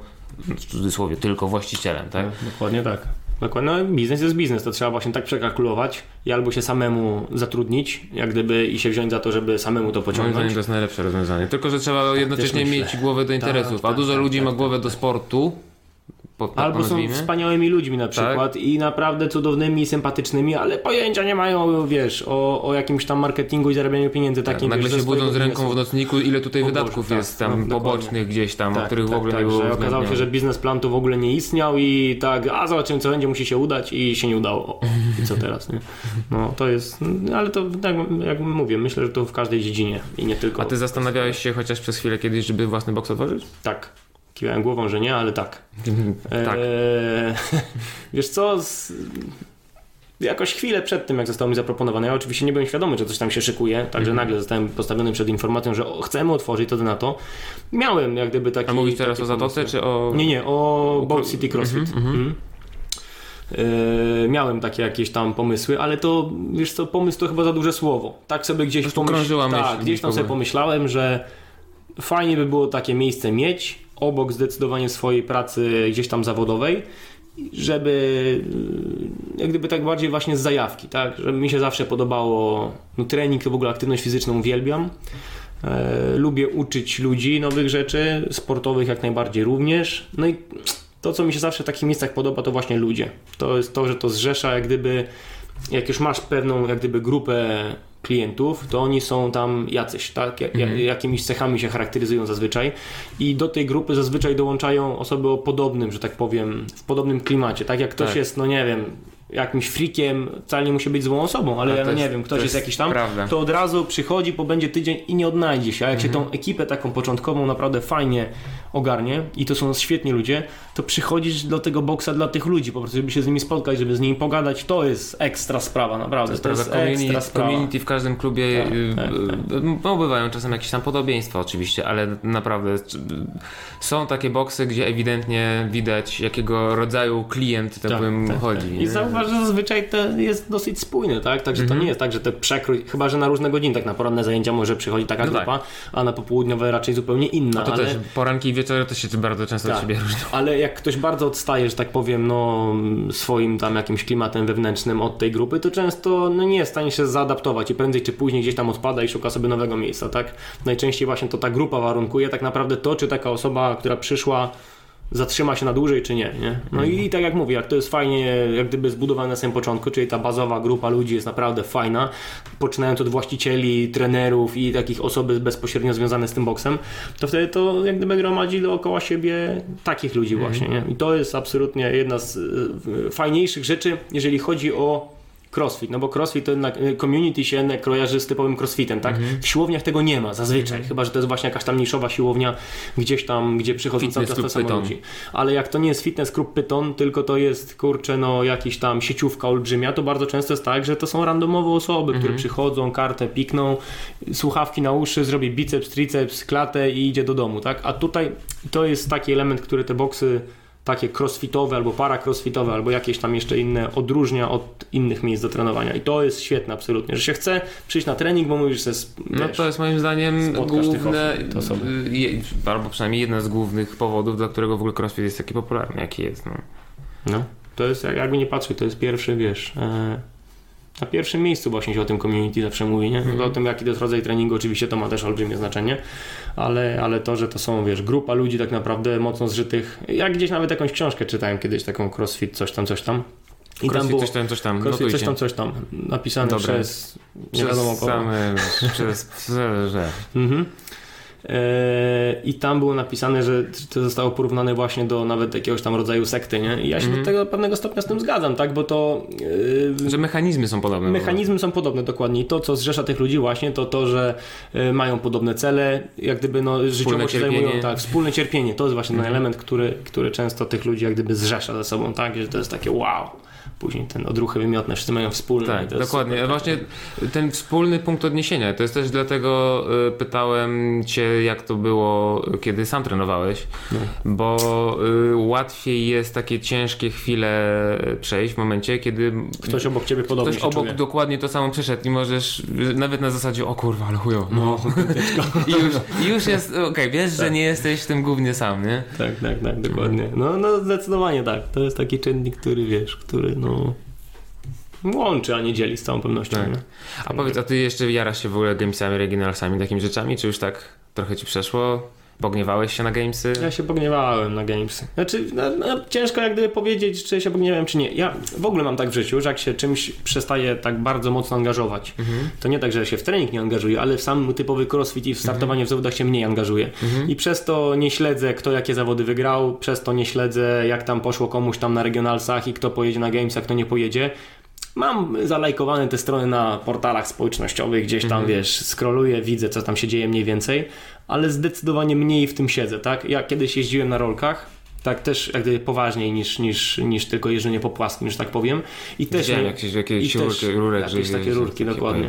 I też, I też jak gdyby kiedy postanowiłem o tym, że już nie mam tyle czasu na studiach, przestałem Mhm. jeździć. Na studiach e, było tyle jak gdyby no pracy innej, że jak gdyby no, na podobnej mechanizmie co z crossfitem u mnie się jak gdyby startowanie skończyło, czyli ja startowałem w różnych zawodach w Polsce, też czasami się udawało wygrać nawet takie zawody Mhm. i w momencie jak już wiedziałem, że kurczę mam tygodniowo dwie godziny z 40, które poświęcałem wcześniej na to, no to też doszedłem do wniosku, że to już kurde mi przynosi więcej frustracji, bo już nie wychodzi tak jak wychodziło, a chciałem iść do przodu, a nie do tyłu. I w zasadzie na podobny, to jest podobny mechanizm. I też jak się odciąłem od tego, to też w zasadzie mm, też gdzieś tam się skroluję i też widzę te informacje, ale już nie siedzę w tym jak gdyby, nie? No nie wiem, mam coś takiego Ale w myślisz, środku, że- to mnie zaczyna bardziej frustrować niż mi dawać Myślisz, że to jest na zasadzie po prostu spadku zainteresowania z racji tego, że mniej poświęcasz na to czasu, czy to taki trochę mechanizm obronny, żeby ci o tym nie przypominało o tym, co miałeś? Chyba to a- drugie raczej w moim przypadku, wiesz? Myślę, że to jest, y, tak naprawdę to nie wiem, bo ja jeszcze mm, próbowałem kiedyś rozkminić właśnie, co, no, jak, jak, jak, jaki jest tego mechanizm, ale nie, nie, nie, wiem do końca, nie? Tak naprawdę to nie wiem. No, na pewno to jest jakiś rodzaj mechanizmu obronnego, bo kiedyś jak miałem jakiś tam poziom, a ja właśnie mam tak tej głowy poukładane, że ja bym chciał cały czas więcej, nie? I jak już odpuszczam w pewnym momencie, w głowie sobie układam tak, że dobra, już teraz nie będzie więcej, to nie chcę takiego czynnika, że zobaczę eliminację z jakichś tam zawodów gdzieś tam i e, czy ja byłbym, czy ja byłbym w stanie teraz taki trening zrobić, kurwa, czy bym wygrał, czy bym nie wygrał, nie? To jest ciężki temat, naprawdę ciężki temat. Nie, nie wiem tak naprawdę, co jest... Nie, e, nie angażować się w to, żeby o tym nie myśleć po prostu, tak? Bo jeszcze ci coś przy, przyjdzie głupiego do Chyba głowy i trochę zaczniesz tak, chociaż, chociaż to też może, może też za mocnych słów jak gdyby używamy mówiąc o tym, bo to też nie jest tak, że ja się odciąłem zupełnie, a nie wiem, już zapomniałem co to są games i tak dalej, ale rok temu to też nie, bo nie udało mi się. Dwa lata temu, kiedy mniej poważnie podchodziłem do Openów, przesiedziałem przed komputerem całe gamesy, regionalsy i oglądałem, o, jak to robią, a teraz, kurwa, to gdzieś mam no, tak naprawdę trochę, no. Oczywiście kibicuję naszym rodakom, ale to nie jest już tak, jak było No, dwa lata temu na przykład u mnie, że siedziałem zajarany, kurde, wiesz, i... Każdy region, tak, i e, każdy, każdy tak, event. Każdy, każdy event, każdy region, kurde, statystyka, kto to wygra, kto to tam, a jak idzie temu, a jak idzie tam temu, wiesz, i tak dalej. Do ulubionych dodana zakładka tylko z leaderboardem i cały czas było sprawdzane, a teraz już tak, wiesz, no już... Mówię, ja w tym miesiącu to stwierdziłem, że jakoś tak nie A mi to jakoś nawet trochę zostało, bo ja też no już od, od roku nie jestem w afiliowanym boksie. E, Od roku walczę z keepingiem, ludzie mają już tego dosyć. Wiesz, no w sensie nie, nie jestem po tej stronie Drążka. która po tej o, ale ładnie. Nie jestem po tej stronie drążka, po której wyznaje się takie, nazwijmy to klasyczne podejście do crossfitu. Tak. Natomiast w dalszym ciągu mimo wszystko, y, no może open to już, to, to, to samo open to już tam mam trochę wyjebane, ale już jak teraz są regionalsy, jak już tam się coś tam zaczyna dziać, albo jak myślę o tym, że będą gamesy za tam, kiedy u nas w sierpniu chyba, No. za te trzy miesiące, to jakoś tak fajnie, tak jakoś nie wiem. Jakoś się tym interesuje Nie, no w dalszym jest... ciągu. Ale może dlatego, impreza, tak? ale wiesz, ale może dlatego, że jakby u mnie się to nie wiąże z Tak. rezygnowaniem z czegokolwiek. No właśnie. A wręcz przeciwnie. no Nigdy, prostu, wiesz, jak, jak nigdy nie podchodziłeś jak gdyby poważnie, że sam chciałbyś tam wystąpić Mhm. i nagle stwierdziłeś, że jednak dobra, to już chyba nie, to kurde, no bo nie, nie, nie mam pojęcia. Tak naprawdę to nie, nie znam żadnej odpowiedzi konkretnej takiej, dlaczego już tak nie jestem zaangażowany w to wszystko, nie? Mhm. Być może czy być może. Zakładam, że to jest wieloczynnikowa kwestia, tak? Mhm. Z jednej strony sam poznałem, że crossfit, typowy crossfit to nie jest taka wcale wspaniała rzecz, jeżeli chodzi o no, zdrowie szeroko pojęte. E, trochę się sfrustrowałem, bo mi się nie udało i przez to mi jest smutno i też nie chcę mieć. To myślę, że to jest kilka jak gdyby składowych na to, tak? A poza tym, tak jak mówię, no mam inne zajęcia, takie, które też są bardzo absorbujące dla mnie i też mam mnóstwo satysfakcji z rozwoju w jakimś tam kierunku, więc mm, jest to zastąpione czymś, ale podkreślam, jak mówię, nie, nie wykluczam jakiegoś tam startu gdzieś, bo, bo głód rywalizacji jak gdyby cały czas jest, tak? Jak widzę, że gdzieś są zawody, ja odwiedziłem Medieval, e, pozdrawiam znowu Trzonka i Bronka znowu. E, I zachciało mi się wtedy tak trochę, nie? Jak zobaczyłem, co tam No się tak. dzieje, mówię, no, kurde, ten rok ten A tak szybko jednak, zleciał, no. że czy bez eliminacji można? To jest coś, Jakaś dzika karta jakaś, dzika karta, to- No nie, no w zasadzie nie, no i Czyli to jednak nie wiadomo, chyba- czy to jest tylko moment chwili taki, że o, ale bym się, Jezu, jak bym się chciało, nie? Czy, czy to faktycznie jakbym zaczął się przygotowywać, to miałby ręce i nogi? Nie wiem tak naprawdę. Wiesz, no może coś być w tym, że trzymasz się z tego na dystans, na zdrowy dystans po to, żeby przypadkiem za mocno nie ciągnęło w tym Tak, kierunku. a, a głowa moja Jak działa... magnes, wiesz. moja głowa, Podejdziesz za tak. blisko i cię wciągnie. Dokładnie. Moja głowa działa tak w każdym właśnie, w, jak gdyby znowu porównując to do jazdy na rolkach, to do dzisiaj mam tak, że jak idę i widzę jakąś poręcz, i, A, nie, nie jak widzę poręcz. jakąś poręcz, to słuchaj, absolutnie naprawdę analizuję, czy ona Czy jest, da- jak my to mówiliśmy, my mówiliśmy skateable, czy ona jest taka, że da się na nią tam skoczyć i coś zrobić, czy nie. Do dzisiaj, mimo że ja nie jeździłem na rolkach, kurde, nie wiem, z 8 lat, czy z ileś, czy z więcej nawet. A do dzisiaj mam tak, że a, podjazd, równiutki odjazd, to by coś. No, I mam te, gdzieś takie rzeczy. Także, także być może tak jest też z formą rywalizacji takiej crossfitowej. Także widzę, że jest taki moment zrywu, ale to jest tylko, no, głowa by tak chciała, a to może nie do końca dobre było, nie? No nie wiem, nie wiem. Ciężka sprawa tak naprawdę, naprawdę. Ciężka sprawa. Z takim startowaniem zawodniczym, no.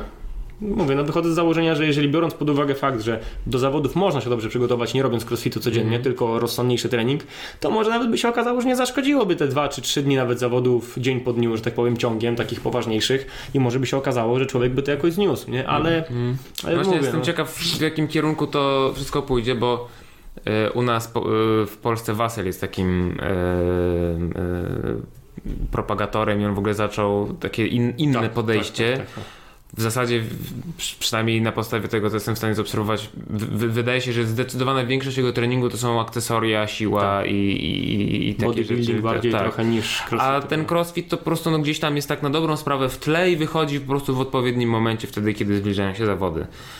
Eee, I wychodzi mu to całkiem nieźle. I jak widać wychodzi to nieźle. Markus Filip. On nie wygrał wczoraj tych zawodów? Wygrał, wygrał, No, wygrał, no. wygrał wczoraj. No, wygrał garaże. Pozdro Wasyl. Wygrał wczoraj garaże. Eee, Miłosz Staworzyński też w Tak, taki tak, sposób tak, trenuje tak, teraz tak. bardziej. Obserwuję cały czas na Instagramie i naprawdę Tak, też ja, mam, ja mam wrażenie, że ta kontuzja właśnie Ojej. na to wpłynęła, no bo Świetnie musiał bardzo dużo akcesoryjek w tym czasie robić, żeby w ogóle robić i, i to jakby się później przełożyło Ja sam bardzo na- często czerpię in, inspirację, także Miłosza też pozdrawiamy. E, z jego właśnie akcesoryjek, bo naprawdę są to bardzo fajne ćwiczenia, takie mm. inne niż, niż zazwyczaj, tak? Tylko nie wiem w przypadku Miłosza, tylko nie mam y, y, wiedzy na temat Miłosza, ile y, on rzeczywiście takiego crossfitu crossfitu robi. Czy to też jest tak, wiesz... Chyba, znaczy nie wiem, tak naprawdę, chyba niedużo jednak, Chyba tak mi się wydaje, ale, ale no to jaki on ma performance i to co robi, no to No ale to właśnie ciekawe, jestem bardzo ciekaw, jak, jak, w którą stronę to pójdzie, bo może się okazać, że właśnie takie podejście jest yy, dłuższym okresie, no bo to też wszystko zależy na jaki okres się patrzy, tak? Tak, dokładnie. Chociaż tak jak mówię, czasy się zmieniły z roku na rok. Porównując performance zawodników y, z Medievala, czy tam startujących gdzieś tam wtedy w tym okresie, a teraz, w tym roku, to jest absolutnie przepaść, tak? Ja pamiętam, że jak ja wyrwałem swoją pierwszą stówę nad głowę, to to był taki wynik, że No tak. kurde, poklask Nie no, był- od ludzi, był- wow, 100 kg Ale był głowę. taki okres, że jak ktoś, jakiś crossfitter wyrywał stówę na głowę, to tak, uuu, no. nice. No, a teraz jest tak, że Bronek nie, nie, 140. masz, nie masz stówy, No to nie ma... Jak na zawody elit, kurde, light, halo, Tak, jak? No, wiesz, Bez stówy to nie ma, nie, nie, no. ten, nie Także ten- kombinować. To poszło strasznie mocno do przodu, także dzisiaj, jeżeli chcesz być w topce, to musisz zdecydowanie więcej poświęcić na to niż y, rok temu i niż dwa lata temu, niż trzy, niż pięć lat temu, tak? Zdecydowanie to musisz jak gdyby sprawić, żeby twoje życie kręciło się wokół treningu, wokół michy, wokół spania, a nie wokół, wiesz, wszystkiego innego, tak? To jest jak gdyby no podstawa, dzisiaj to jest to. No i tak jak mówię, no inne składowe to, czy jesteś podczas tego treningu naprawdę wyprowasz sobie flaki do maksimum absolutnie i robisz zdecydowanie więcej, a nie te dwa powtórzenia mniej na każdym treningu, czy twoja głowa to zniesie i czy te wszystkie inne czynniki jesteś w stanie spełnić, tak? A ty właśnie jesteś zwolennikiem, y, czy byłeś, podejścia właśnie takiego na treningu, że zawsze, za każdym razem 100%? Tak. Bo y, ja się spotkałem z, z, z różnymi y, jakby poglądami na ten temat. Właśnie jedne osoby mówią, że, za, że każdy trening 100% na takiej zasadzie, że trenujesz w chuj ciężko, żeby potem w, łatwo wygrywać. Mój tak, trening ten- każdy inaczej wyglądał. Jak miałem napisany tlen na niskiej intensywności, 80% powiedzmy, no to starałem się trzymać założenia, a nie tak, że wypróć, wypróć, no, uważam, że te treningi, które tam miałem programowane wcześniej, Okej, czyli w rozumieniu takim, że to jest 100% założeń treningu, założeń a nie treningu, 100% tak, możliwości performance'u, organizmu. Tak. Okej. Zdecydowanie tak. Okej, Zdec- okej, ale jak miałem napisane, no nie wiem, Do no, pożygu? as fast as possible do, do, do, do pożygu, to to trzeba było lecieć naprawdę do takiego momentu, gdzie już się gwiazdy przed Mhm. oczami pokazywały i wtedy nie miałem z tym problemu, jak gdyby. Nigdy nie było tak, żebym a, dobra, już tam. Ja znam takich zawodników, którzy regularnie gdzieś tam startują w jakichś no, zawodach, eliminacjach i tak dalej, a mają to w dupie po prostu. Tak nie chcę mi się, o, ale jestem zmęczony. Dobra, mniej, tak? I, I ja wcale nie twierdzę, że to jest jakieś tam złe podejście. Te osoby po prostu mają inne od siebie oczekiwania, tak? I do czegoś innego dążą. Ale jak chce się dążyć do no, topki, do wygrywania, no to ja sobie zawsze tak myślałem, autentycznie to była taka myśl, która zawsze pozwalała mi szybciej, że on by pewnie zrobił Nie, no to- jakiś rywal. No, nie? to, jest, to jest to, co żeśmy rozmawiali wcześniej, Tak. że większość sukcesu siedzi w głowie. Dokładnie tak. Bo co z tego, że ty teoretycznie jesteś w stanie wyrwać 120 kilo, ale jak Tylko ci się nie będzie chciało ich wyrwać, no to ich nie wyrwiesz. No. Można Co z powiedzieć, tego, że, że ja teoretycznie- 140, tylko nie bardzo mi się chce po Tak, prostu. a my, jakbym chciał, to bym przebiegł to kurwa w 10 minut, a nie w po co? 12, Ale ale mi się nie chciało akurat i przebiegłem w 12 i na chuj drążyć. No wiesz, i to jest tak, to jest absolutnie 100% prawdy tutaj w tym. No to jednak głowa, głowa, głowa, głowa, wszystko, nie? Po prostu. I tak to wygląda. Tak to wygląda. Ile my gadamy już? Ty jesteś umówiony gdzieś? Nie, spokojnie. Nie, spokojnie. Do Naderzyna jedziesz. Co tam będziesz robił? No. Znaczy, no wiem, że tam są zawody i tam targi go... Ja wiem, co tam możesz zrobić. Bo na targach Go Active, ja nie wiem, czy ty wiesz, oprócz garaży są jeszcze inne zawody. Jakie? Hoda Games.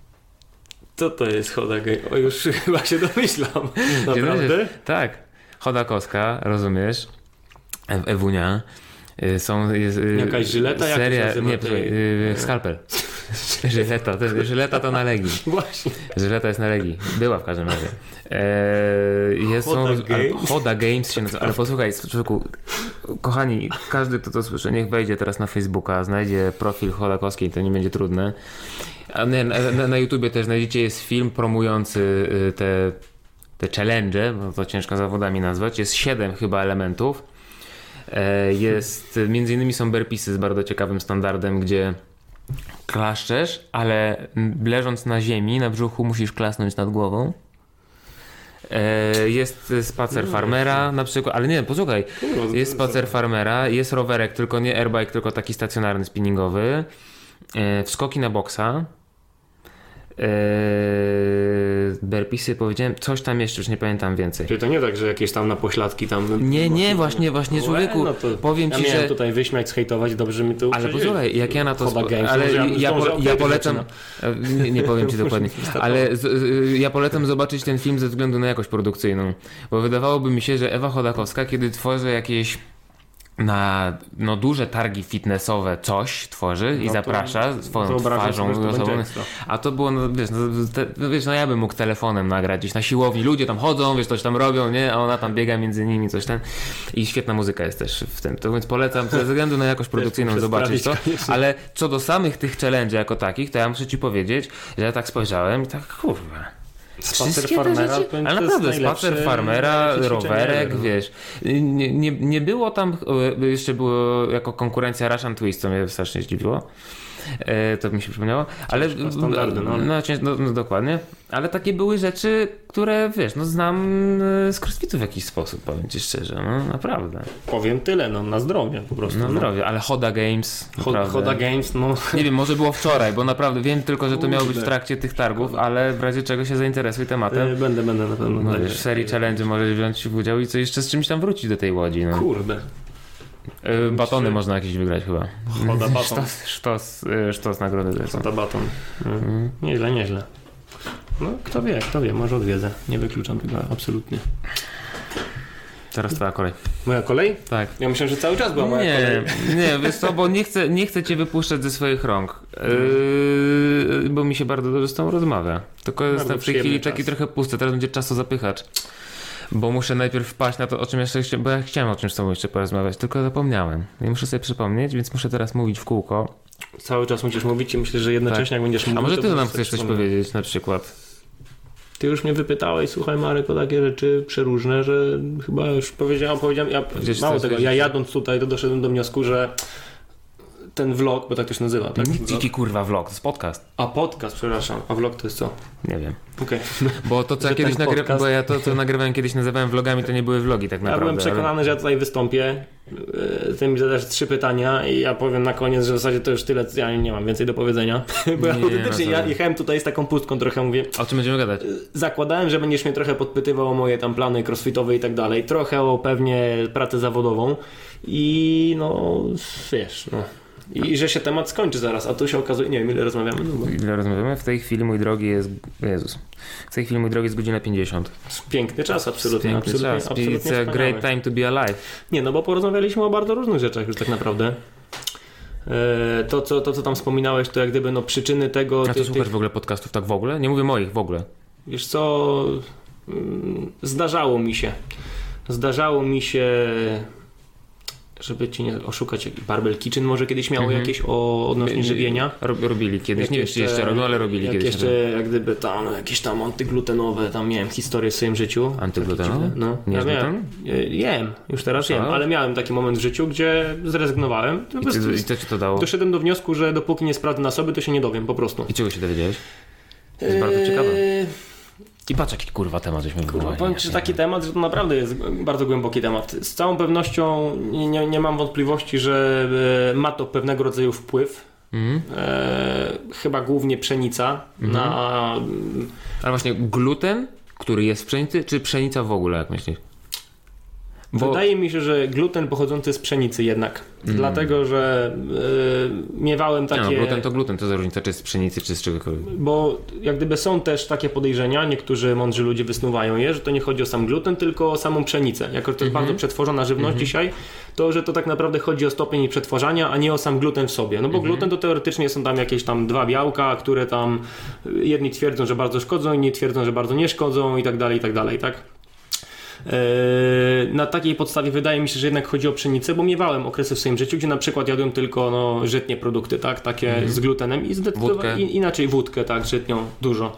Eee, I też się zupełnie inaczej czułem po tej wódce. I, i e, jestem przekonany, że ma to wpływ na mm, Ale ludzi, czym którzy... się to przejawiało?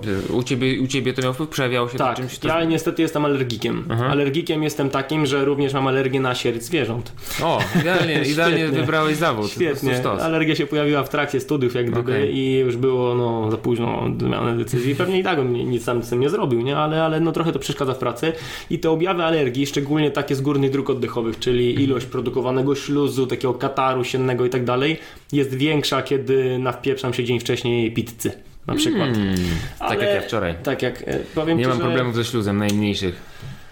Tak jak mówię, to najczęściej dotyczy tylko i wyłącznie osób, którzy już mają jakiś tam Nie problem no, bo wiadomo, że to, każdy reaguje na wszystko kurwa inaczej. No. Dokładnie tylko tak. Mnie zastanawia, Dokładnie tak. mnie, mnie zastanawia tylko to, bo są osoby, które twierdzą, że absolutnie nikt na tej planecie, nikt nie powinien jeść glutenu. Nikt. Nie, no wiesz. I ja się zastanawiam, jaki jest w tym sens. Każda no. skrajność. Na pewno są osoby, które nie powinny absolutnie, bo im to bardzo Tak. szkodzi i są osoby, które może nie powinny, bo będą się trochę lepiej czuły. Słuchaj, no, wiesz. każda Okej, skrajność no, ale- uważam jest y, niewłaściwa, bo prawda zawsze leży gdzieś tam po środku. Tak jak mówisz, komuś bardzo zaszkodzi, on nie powinien nic jeść, a komuś tylko tro, trochę, a komuś odrobinę. Dlatego też ja zdecydowałem się zrobić na sobie jak gdyby taki, e, taki test. Zresztą był taki moment w moim życiu, to było też jak gdyby przed tymi przygotowaniami głównymi moimi e, do, do, do Openów, gdzie nawiązałem e, rodzaj współpracy z Litką.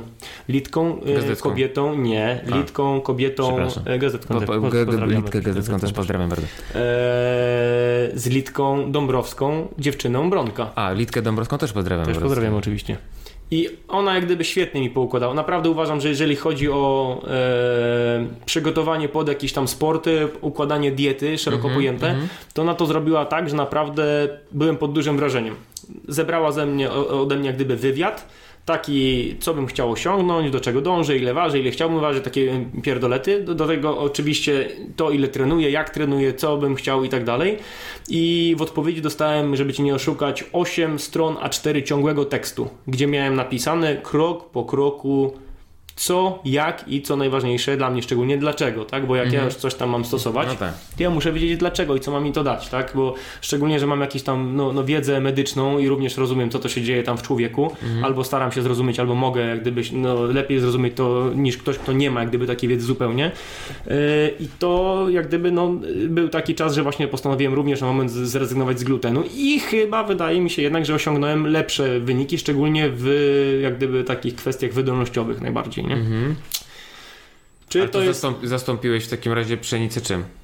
Wiesz co, w ogóle... No, Czy, czy, czy, to, czy to wiązało się w ogóle z odstawieniem węgli, czy po prostu Nie, nie, nie, nie, nie. Węgle jak gdyby przyjmowałem w podobnej ilości, tylko w innych, że tak powiem, porach dnia po prostu. Okej. A, zasto- a zastąpiłem po prostu innymi źródłami węgli. Tak, jadłem kupę ryżu, y, ziemniaków, batatów, e, tego nie typu rzeczy. batatów. Nie lubisz? Jezus. Powiem ci szczerze, że ja lubię, ale uważam też, że są przereklamowane, bo są tacy Są- wyznawcy, którzy o, się nacierają tymi batatami. Kurwa, jakbym chciał słodkiego ziemniaka, to bym sobie posłodził Irgę, no. W sumie rzeczywiście. No, przecież to jest ale takie w z ogóle- piekarniczka chrupiące, Nie, takie fryteczki, nie, ja to lubię. Nie, zwykły ziemniak, taki kurna, żółty, z ziemi, spod Poznania, rozumiesz? Taki, rozumiesz? No nie wiem, czy spod Poznania, no taki zwykły No ziemniak. ale uważam tak, ziemniaki są absolutnie wspaniałe, też, też są Uwielbiam. niedoceniane są ziemniaki, jeżeli chodzi o dietetykę. Tak zauważ, że każdy kto tam, już teraz to też inaczej, ale kiedyś kurczak z ryżem, ten Tak. ryż tylko, ryż, ryż, ryż, a ziemniak to jest wspaniała rzecz, absolutnie skrobia, wspaniałe źródło węglowodanów, naprawdę.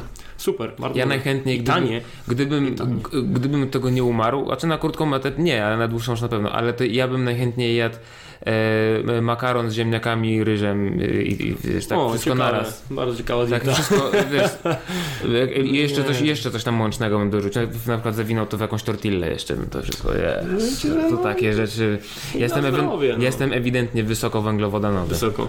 Powiem bardzo. ci, że ja też, ja no... Ja jem, nie bardzo, wiem. ja jem bardzo dużo, zastanawiam się czasami, gdzie to się podziewa wszystko, bo jestem cały czas głodny w zasadzie. Być może będzie słychać w mikrofonie, nie wiem. Ja też już troszeczkę, ale nie, nie, chyba nie wyłapuję. Yy, ale ja bardzo, bardzo dużo jem i też lubię węgle, tak? I Mm. to nie takie węgle słodkie, tylko pizza. Tak, tak, tak. Nie no, mączne. Ja nawet, ja samo ciasto od pizzy, ja nie muszę Tak. nawet nic mieć na tym cieście od pizzy. Ja lubię mieć mięsko, dużo, ale... Wiesz, ale tak. bułkę, tak. bułkę suchą. A czy suchą w sensie, że bez niczego, po prostu bułkę, chleb. Czyli jednak Wiesz. dobrze mówili ci antyglutenowcy, że gluten to uzależnia. No może. No i, Ale- ale, jesteś glutenu. Ale dobra, ale w ziemniakach jest Jesteś gluten? ćpunem glutenu. A w ziemniakach jest gluten? A ja kilogram ziemniaków potrafię wsunąć bez niczego, rozumiesz? Posolonych tylko, pyszne, Ugotow- najlepsze. ugotowane, Wczoraj... Ugotowane. No nie no, jakbym był nieugotowany, ja to wiesz co by się stało. podejrzewam. Wczoraj zjadłem po prostu chyba z kilogram ziemniaków, dzisiaj powtarzam to. Uwielbiam. Kurde, taki challenge, powiem ci, że no naprawdę. No nie wiem czy kilogram, no dużo od tego było. No. Alibaba, król kebaba. To są takie zawody, w których Wow. planuję wystartować. Ale wiesz serio? Nie wiesz, to na pomysł wyszedł taki trochę nie wiadomo skąd, ale mój dobry znajomy Zygi, pozdrawiam Zygiego, e, gdzieś tam na Facebooku dopadł e, z Radzymina ten kebab? Jest, coś? jest, No, w Radzyminie, widzisz, no najsławniejszy widzisz, kebab. się spotkamy jeszcze, na zawodach. Jeszcze tam nie byłem, ale się wybieram tam już od I tam dłuższego jest tak, czasu. że to są drużynowe zawody. Najsławniejszy Team- kebab w team, Polsce. team workouty tam są i ten team workout polega na tym, że chyba masz 5 kg mięsa na, i, no, w 4 osoby to musisz zjeść jak najszybciej. Ja powiedziałem, że jak to. tam wpadł, 5 to- kilo mięsa 5 na kilo- czterech? Tak. To jest, no właśnie. I niewykluczone właśnie Zygi, że być może mamy tutaj e, zawodnika, bo nam brakowało jednego. E, I kto wie, kto wie, kto wie. Nie, no to jest podejmiemy kilo- to jest kilo To 25 jest, na To jest spokój w ogóle, nie? To Zakładam, ja że teraz, tam, to teraz bym to teraz, w tym zjadł. momencie. Ale to w zasadzie jest- mogliśmy ale teraz- zamówić tutaj. Ale to jest kilo, to jest kilo 25 tego mięsa i coś jeszcze? W sensie te surówki, tak nie jak znam trzeba- szczegółów, nie wiesz, chyba, no, chyba to wiesz co, no nie no, jest Weź, to, jest to bardzo 3 ważne. kilo kapusty, no to już wiesz, to już jest, już jest challenge. Kapustę to tam porozrzucać na boki No. i tam tyle, nie? E, nie, autentycznie, nie wiem jak, tak naprawdę nie znam żadnych szczegółów tych zawodów, ale zaintrygowały mnie. Pomyślałem, że to jest może nowa dziedzina, w której będę chciał być najlepszy. Ej, kurwa, ja to szanuję. Ja to No ja szanuję. też, no. Ej, no w Stanach to są ludzie, którzy nic innego nie robią, no tylko ja żrą te hot dogi no na, tak, no. wiesz. Nie, no, masz rację zdecydowanie, ale nie, no oczywiście, no. Tutaj niedaleko jest dobry kebab. Tutaj obok jest dobry kebab. U pana Al-Atlas się nazywał. Kurczę, jak się tam... Nie Jafar. Na Ja rachunku się, ja się gdzieś będę musiał wybrać na pewno za chwilę, więc No, no, bardzo, bardzo polecam. musimy skonsumować Bardzo polecam. Możemy, możemy skoczyć na kepsa. No i absolutnie, to jest pomysł doskonały. Zajebiście. przekonałeś mnie w moment, widzisz? Rzeczywiście jest ten niby asertywny, a pff, kebab okej. Ale ja polecam ten kebab, naprawdę wszystkim. Al-Atlas na Grochowskiej w Warszawie. Jak ma rekomendację Mareła, to ja w ogóle I to- i to nie jest sponsor. Z zamkniętymi oczami. Za darmo reklamuje ten kebab. Na pewno, Za tak. darmo. A później będzie, no dzisiejszy odcinek sponsorował kebab. odcinek z naszym sponsorem jest kebab Al-Atlas w Warszawie. Nie, tak nie będzie. Ale ej, nie obraziłbym się. Ej, no Naprawdę, że nie. nie, obra- nie, obraziłbym, nie obraziłbym się za taki sponsoring. No. Jakby ktoś, wiesz, zechciał mnie karmić. Ja miałem jak gdyby też w, w Ej, ale tak, tak, tak zupełnie tam... serio. Spośród wszystkich takich street foodowych rzeczy, kebab jest chyba naj, naj, najprawilniejszy. Bo ma, mało, bo jest tylko Kepsik, pita, Oczywiście, że tak. kurczaczek, suróweczki. Są różne jak gdyby standardy, jeżeli Tak. chodzi o to mięcho, które tam jest. No nie? tak, no wiadomo, nie, no to, ale jakby wychodzimy, załóżmy, że wychodzimy z założenia, że wszystko jest w porze, że to nie jest jest- gołąb, Jeżeli- wiesz, że to nie jest jakaś mysz, wiesz, tylko że to jest kurczaczek elegancko, czyściutki, świeżutki i tak dalej, nie? A nie jakiś sierwo. Mi się zdarza zjeść. No, zdarzało mi się wcześniej też. Kochany. I nie uważam tego, żeby to było jakieś tam, wiesz, e, grzech. nie? Nie, to jest Wszystko jest dla ludzi. Wszystko jest dla ludzi. Damy ludzi mądrych i w odpowiednich ilościach, ale To jest wszystko jest. prawda, to jest prawda. Eee, to jest prawda, najbardziej mnie denerwują osoby, które w, bardzo skrajne mm, wchodzą jakieś tony, właśnie na, na przykład, że w ogóle gluten nie Tak można. właśnie, no wiesz, no skrajność absolutnie w każdej Czy Są osoby, dziedzinie, są tak. osoby, u których skrajności są wskazane, bo nawet e, o, o, ostatnio słuchałem podcastu Joe Rogana. Był taki, on jest chyba politologiem. Joe Rogan? Joe, znaczy Joe, Joe Rogan jest e, amerykańskim komikiem, on ma największy podcast, w ogóle najbardziej znany na świecie. E, on No, też w UFC jest komentatorem. O, o, to znam gościa. No, ten to łysy wiem. taki Okej, to wielki, wiem. no. No, no, no, no. Ej, no to No, ogarniam. Nie I to, to, tak jest. to, to u niego był jakiś tam y, czas temu, y, jak on się nazywa, Jo- Jordan Peters, Jordan Peterson, nieważne jak on się nazywa. W każdym razie on jest jakimś tam komentatorem poli- politycznym czy, y, czy naukowcem. W, jakieś, w jakąś tam aferę się wplątał. Nieważne. W każdym razie, a propos żywienia, on miał jakieś tam problemy autoimmunologiczne i teraz przyszedł na dietę, gdzie je tylko mięso. Nic więcej. Je mięso. I wszystko jest zajebiście. Ciekawe. Schód 30 kilo, wszystkie wyniki badań, kurwa, sztos. Powiem ci, że to ciekawostka. I tylko mięso i wiesz, chyba zielone warzywa, coś na tej zasadzie. wiesz. Trzeba by bardziej się zagłębić w konkretny przypadek. No tak, ale wiesz, wiesz ja, więc ja, wnioski jakieś. ja, ja nie, nie negu- tylko wiesz, to też teraz na zasadzie on by mógł teraz chodzić i hej, wszyscy powinniście jeść tylko mięso, kurwa, i zielone warzywa. No, No, no, i nie, no podejrzewam, wiesz. że byłyby osoby, które by się od tego Na szczęście każda rozsądna osoba po pierwsze nie wysnuje takich wniosków, żeby to dookoła mówić wszystkim, że wy teraz też tak musicie wszyscy i poza tym, że mam nadzieję, że jest dużo rozsądnych ludzi, takich, które z drugiej strony tej barykady jest i też dojdzie do wniosku, że e, no może u mnie to niekoniecznie jest najlepszy pomysł, tak? Wiesz, ludzie, y, i to, i to tyczy się nie tylko żywienia, ale też i treningu, no wszystkiego, co ktoś chce coś zmienić w swoim życiu. Hmm. Jest coś, co mu przeszkadza w swoim życiu i chce to zmienić. No i liczy na to, że będzie jakiś super Boom. innowacyjny, opracowany przez amerykańskich naukowców sposób, jakaś może pigułka, albo że na zasadzie o, muszę na śniadanie zjeść zawsze pół kilo ogórków. I Tak, to już jest, wiesz, nie wiesz jakiś tak, prosty tak, quick, quick tak. fix, nie? Że, Tak, wiesz, jakaś tak. prosta rzecz, nie? Oprócz yy, testosterony w Trzy proste sposoby Rzeczy. na sześciopak taki, jakiego miał Ryan Reynolds. Wiesz, no, Nie, no to tak, to się nadaje na okładkę jakiegoś czasopisma, ale, Mhm. ale no, nie, nie istnieją takie rzeczy, nie? Już odkryli na tyle dużo, już ta wiedza na tyle... Do... mocno słuchajcie kochani, ja jem bardzo dużo pizzy i mam dwupak. I proszę bardzo. Mam dwupak, prawie Szczęśliwy, czteropak, sześciopaka, tak no. nie bardzo. Tak. Więc jest okej, jestem szczęśliwy, uśmiechnięty, zadowolony. A przecież o to chodzi w życiu właśnie. No właśnie o to chodzi. Także pizza i dwupak. Pizza i No dwupak. Kurde, wszystko. Nie, nie, nie, widziałeś może mojego Instagrama wczoraj? Co dostałem na urodziny? Dostałem bluzę Nie. we wzór pizzy. Nie gadaj. Naprawdę, wygląda ja, pizza. Potem, ci, masz? potem No nie, nie ja. mam przy sobie, pokażę ci później, bo z telefonu nagrywamy, będę pokazać. Genialnie. No zajebisty, tak się cieszę, że śmiałem. I poduszkę w kształcie pączka. To ty miałeś urodziny, czy masz dzisiaj, czy kiedy? Miałem tydzień temu, ale wczoraj Ojej. żeśmy. Mariusz, wszystkiego najlepszego ci życzę. Dziękuję ci bardzo. tak, no 33, jeszcze się jakoś trzymam. Ale fajnie. Dostałem komplement, ja myślałem, że jesteś starszy. To dzięki, kurwa. Komplemencik. Komplemencik, kurwa. No. Super. Nie, no, no, no, nie, no, to, no 33 to nie jest chyba jeszcze źle. Nie, ja nie, ja w ogóle nie, nie, absolutnie. Ja w ogóle, wiesz, 30, wiesz 35 to już masters, nie? No tak. Łe, to przed tobą. Kochany, człowieku. drzwi się otwierają tutaj do różnych No. takich jakichś sytuacji. Nie, ja w ogóle nie czuję, wiesz, mentalnie to ja mam w ogóle cały czas 17 lat. No i o to chodzi tu się właśnie. nic nie tak. zmieniło. Ja, ja jak gdyby się martwiłem, że jak miałem 12, to jak będę miał 18, to jakie kurwa stary, to czy ja będę chodził jeszcze wtedy, Ja czy nie? mam, ja mam 9 I lat tak starszego brata. O proszę. I jak ja miałem lat 15, a on miał 24, to ja sobie myślałem, boże, Dziad. jaki on dziad. się skurna. W ogóle, pod w ogóle, w ogóle nic nie ogarnia. W ogóle niczego nie rozumie. Jest jakiś drętwy w ogóle, wiesz. No tak. Strasznie się perspektywa zmienia. No tak, ale, ale to y, mam wrażenie, że w dobrą stronę, tak? Ja też. To jak mówię, no już pewnie performance'u nigdy nie będę miał najlepszego zawodnika, a jednak nie czuję się dziadem jakimś też, tak? To, to, To jest najważniejsze, żeby po prostu Tak. y, czuć się sprawnym, bo ja na przykład ym, w tej chwili, no pomijając to, że mnie łokieć napierdala i oba nadgarstki, to jest jakby inna kwestia, ale tak ogólnie rzecz biorąc, e, czuję się najbardziej w formie, najbardziej sprawny, może tak, nie w formie, bo to można różnie definiować, Tak. ale czuję się najbardziej sprawny w sensie takim, nie wiem, musiałbym samochód przepchnąć albo worek cementem przerzucić, to do takich rzeczy czuję Najlepiej się ci to najbardziej... pójdzie. Tak, najlepiej mi to pójdzie, czy gdzieś tam pójść na jakiś daleki spacer po górach, cokolwiek, No. ale nie mam najmocniejszego martwego ciągu, jaki miałem w swoim życiu, czy przysiadu, czy Specjalizacja czegoś tam, jest. No, znowu wracamy jak gdyby do punktu tam prowadzenia y, programowania i tak dalej, ale specjalizowanie się w ogóle ludziom, jako ludziom, nie jest do niczego potrzebne, tak? Nie musisz być najszybszy. Chyba, że chcesz być sprinterem. Tak. Nie musisz być najsilniejszy, chyba, że chcesz być siłaczem, tak? Albo gimnastykiem, albo kimś. A jak chcesz być człowiekiem sprawnym To i musi być, najsprawniejszy. To, być To nie ma lepszego słowa do tego, Tak, dokładnie tak. W tych wszystkich trzech kategoriach. Ja właśnie czytając tą jakąś tam wspaniałą publikację, książkę, tam CrossFit, coś tam, coś tam napisane przez niego, A, no ten, ten. tam też było Ten tak sam. napisane właśnie, z czym się strasznie zgodziłem od razu. To było jedno z pierwszych zdań chyba, czy tam w pierwszym rozdziale. Że za najsprawniejszego człowieka na świecie była uznana osoba, która wygrała tam ultra triatlon czy coś. Mhm. I tam powiedziano, chwila, chwila, chwila. Dajcie no tutaj szlangę podnieść, tak? Tak. I, I co kolego? I co? No. I co na tych wątłych nóżkach? No.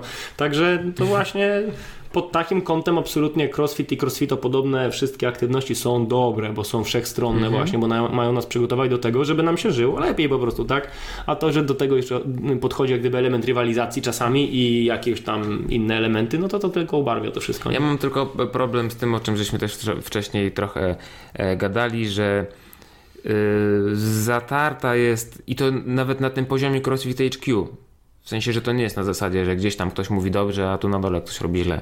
Tylko gdzieś tam na poziomie na, na, nawet najwyższym zatarta jest ta granica pomiędzy tym, czym jest crossfit zawodniczy na zawodach, Mm, który ma sprawdzić tą sprawność, którą się nabywa w życiu, na treningu i tak dalej, od tego procesu nabywania tej sprawności. tak, tak. Bo moim zdaniem yy, i na pewno w stosunku do takich osób jak ja, które ja nie jestem zawodnikiem, ja nigdzie nie startuję, yy, po prostu sobie chodzę na treningi, bo to lubię i, i, i chcę być właśnie sprawny, to mi jest potrzebny proces przygotowywania do sprawności, No tak. a nie wieczne sprawdzanie mojej sprawności. Dokładnie tak. I to jest jak gdyby też jak gdyby główne w mojej ocenie przyczyna tego, że się w końcu rozstałem z tym miejscem, w którym byłem. z, z Boat City CrossFit właśnie, że moja wizja była zupełnie odmienna od wizji właścicieli tego miejsca Mhm. i no, przyszedł taki moment po prostu, że doszedłem do wniosku, że skoro to ma inaczej wyglądać niż zgodnie z moją najlepszą wiedzą i tym, jak ja bym to widział, bo tutaj akurat ja byłem kompletnym samolubem. E, oczywiście moja wiedza ewoluowała z czasem jak gdyby i tak jak na początku istnienia tego boksa ja nic nie miałem przeciwko, wiesz, keepingowi, crossfitowi i tak dalej, i tak dalej, ale z czasem jak to zaczęło ewoluować, to, y, to jak gdyby zmieniało się też moje podejście, moje programowanie i tak dalej. I ludziom się to generalnie, w mojej ocenie oczywiście przynajmniej taki feedback dostawałem od nich, że w większości się to podobało. Oczywiście były jednostki takie, które mówiły, e, znowu stricty, idę w pizdu tam gdzieś tam, bo tam trochę urwę sobie barki i będzie, będzie fajniej.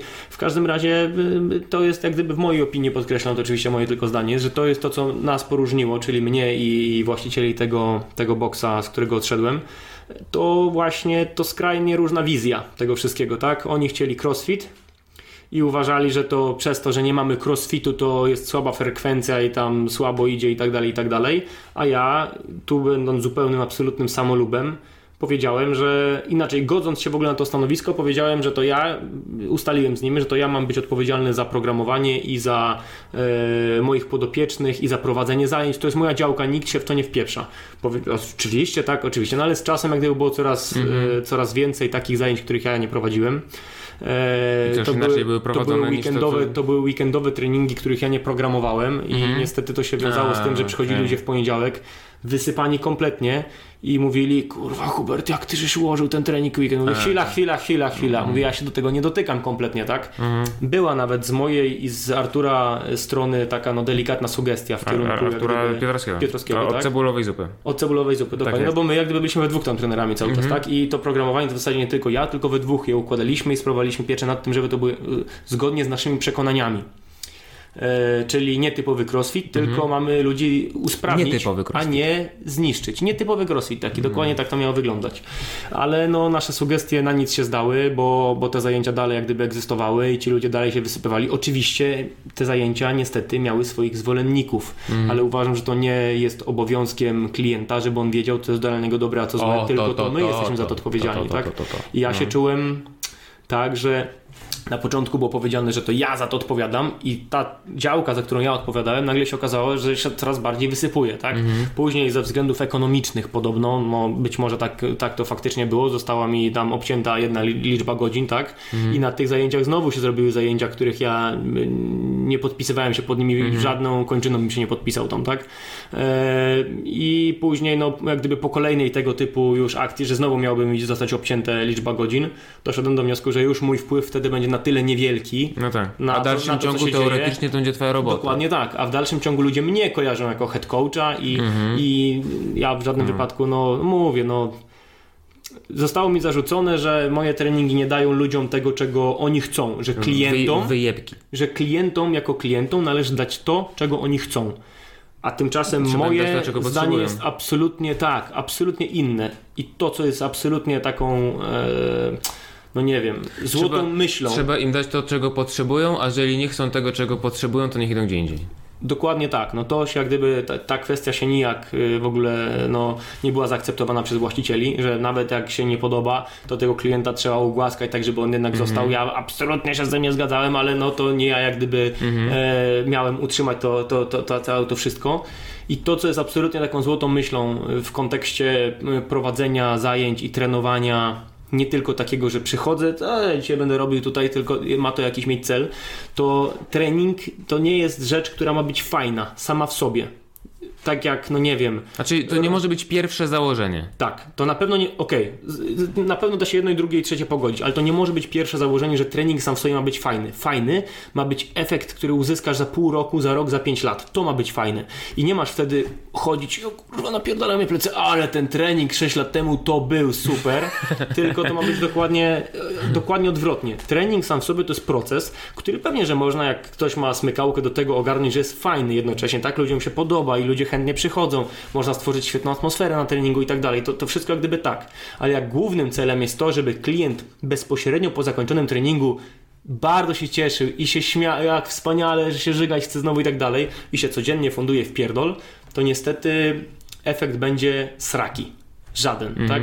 I, I uważam, że to naszym, jako trenerów, obowiązkiem jest to, żeby tym ludziom to w ten sposób przedstawić, za, jak gdyby im to zaoferować.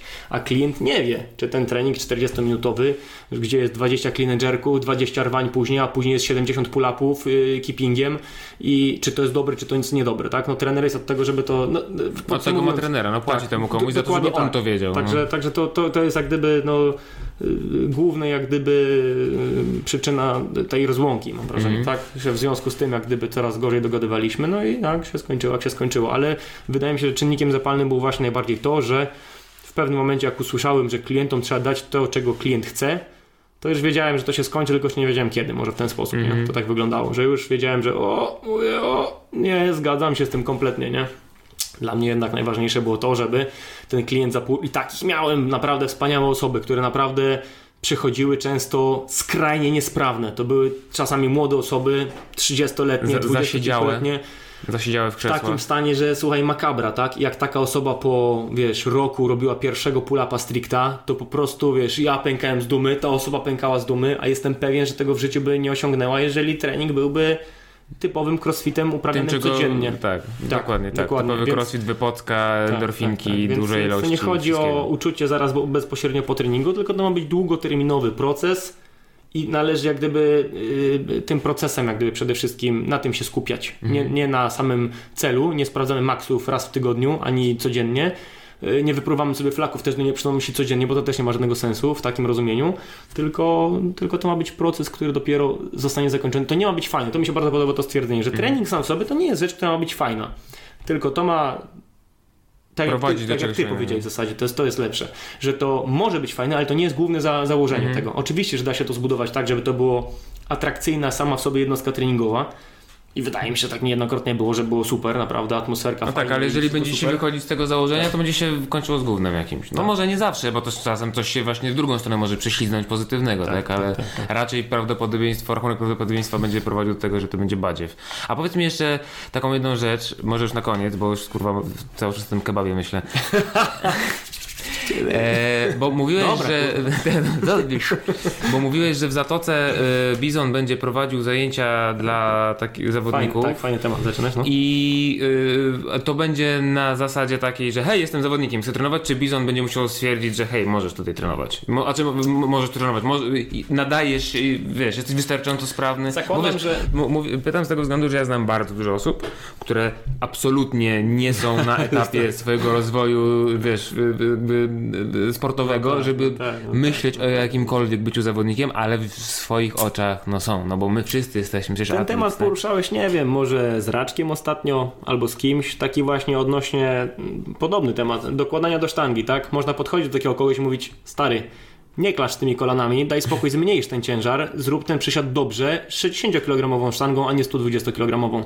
I osoba, która jest no, jakąś tam rozumną osobą, inteligentną i wie, że trener wie, co mówi i ufa mu i tak dalej, zmniejszy ciężar, poprawi technikę i później wiedzie na wyżyny, tak?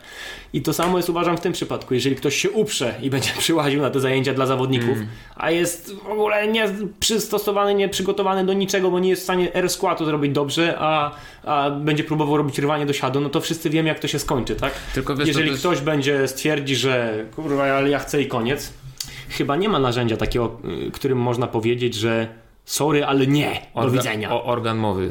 No, nie, nie, Nie, no nie, nie, moim zdaniem nie Nie jest. wiem. Znaczy moim zdaniem w kontekście, znaczy tak, bo po pierwsze za, załóżmy, że nie wiem, grupa ma 10 osób. I spośród tych 10 osób jedna osoba jest właśnie taką nieprzygotowaną, nieogarniętą i nie nadającą się tak do, do, do, do tej grupy, Tak. To ona będzie dezorganizować trening. Bo Bardzo. trzeba jej bardzo, Bardzo. dużo uwagi poświęcać Dokładnie. i pilnować, żeby się tak. nie zabiła najzwyczajniej w świecie. Z drugiej strony, jeżeli chcieć każdemu poświęcić tyle samo czasu, czyli mniej za mało tej osobie nieprzygotowanej, no to ona sobie tą krzywdę zrobi, a potem już nikogo nie będzie interesowało to, że ona... Trener dopuścił do krzywdy Do- o. na treningu. O, Nie dopilnował. Bardzo trudny temat. Ja głęboko wierzę w to, że Bartek jest na tyle rozsądną osobą, że on i poza tym jest taki komunikatywny. wierzysz to? No co mam powiedzieć do mikrofonu? No okej. Nie no, Bizon, pozdro, pozdro. Przestań. Nie, nie gniewaj. Wierzę, że jest taką osobą, na tyle komunikatywną i dobry właśnie kontakt łapie z ludźmi, Mhm. że on będzie w stanie takiej osobie powiedzieć: Słuchaj, Przed tobą jest pół roku, albo rok, albo 5, albo 20 lat przygotowania motorycznego do zawodnictwa. Jeżeli chcesz być za, za, zawodnikiem, to musisz się do tego przygotować. Te zajęcia przekraczają twoje umiejętności i zakładam, że w 99,9 mam nadzieję procentach przypadków ten ktoś nie Zadziała. potraktuje tego jak o ty, kurwa chuj, tak mi powiedziałeś, no to odchodzę na razie i na Facebooku, że trener mu nie pozwolił i awantura nie chodźcie do Zatoki, bo tam tak mówią, E, tylko że to będzie odebrane jako, wiesz, e, dobre, ale to, to ja się z tym też borykałem u siebie na zajęciach, tak? Mieliśmy skategoryzowane zajęcia tak, że były zajęcia wprowadzające, jakieś tam intro, basic, tam coś tam, coś tam. Były zajęcia WOD B, czyli dla bardziej początkujących i były zajęcia WOD dla osób, które ogarniały, wiedziały co to jest rwanie. Nie, nie, absolutnie nie musiały być mistrzami rwania, ale, Ale musiały robić temat. to dobrze technicznie. Wiedziały jak skalować podciąganie, żeby trener już nie musiał poświęcać na to czasu, tylko niejednokrotnie zdarzało się tak, że ktoś przychodzi na 18 i mówił kurwa, no ja nie mogę na 17 być, więc przyszedłem teraz. A to, że teraz są zajęcia dla zaawansowanych, to no to trudno. Słuchaj, dezorganizacja jaka panowała wtedy na treningu, ja byłem wściekły jak diabli, bo jak gdyby taka jedna osoba niestety zaburzała wszystko. I dopóki to był jednorazowy incydent, że ktoś przyszedł, bo nie mógł i w zasadzie no musiałem stać nad nim i patrzyłem, co on tą rurką PCV wyprawia. On był niezadowolony, No tak. on albo on oczywiście, niezadowolony, bo jak to wszyscy sztangami, a on rurką, kurwa, przecież jak on jest taki silny i tak dalej, i tak dalej. Ale niestety zdarzały się takie osoby, które przychodziły codziennie i mówiły mi, że im się pomyliło, że zapomnieli, że nie mogli, przychodzili na treningi, a niestety taki miałem, jak gdyby zostałem postawiony przed taką takim, w takim jak gdyby no, miejscu, że nie miałem możliwości takiej osoby po prostu Mhm. No powiedzieć, musisz że... klientowi to, czego chce. O, no właśnie. I teraz wracamy do punktu jak gdyby wyjścia.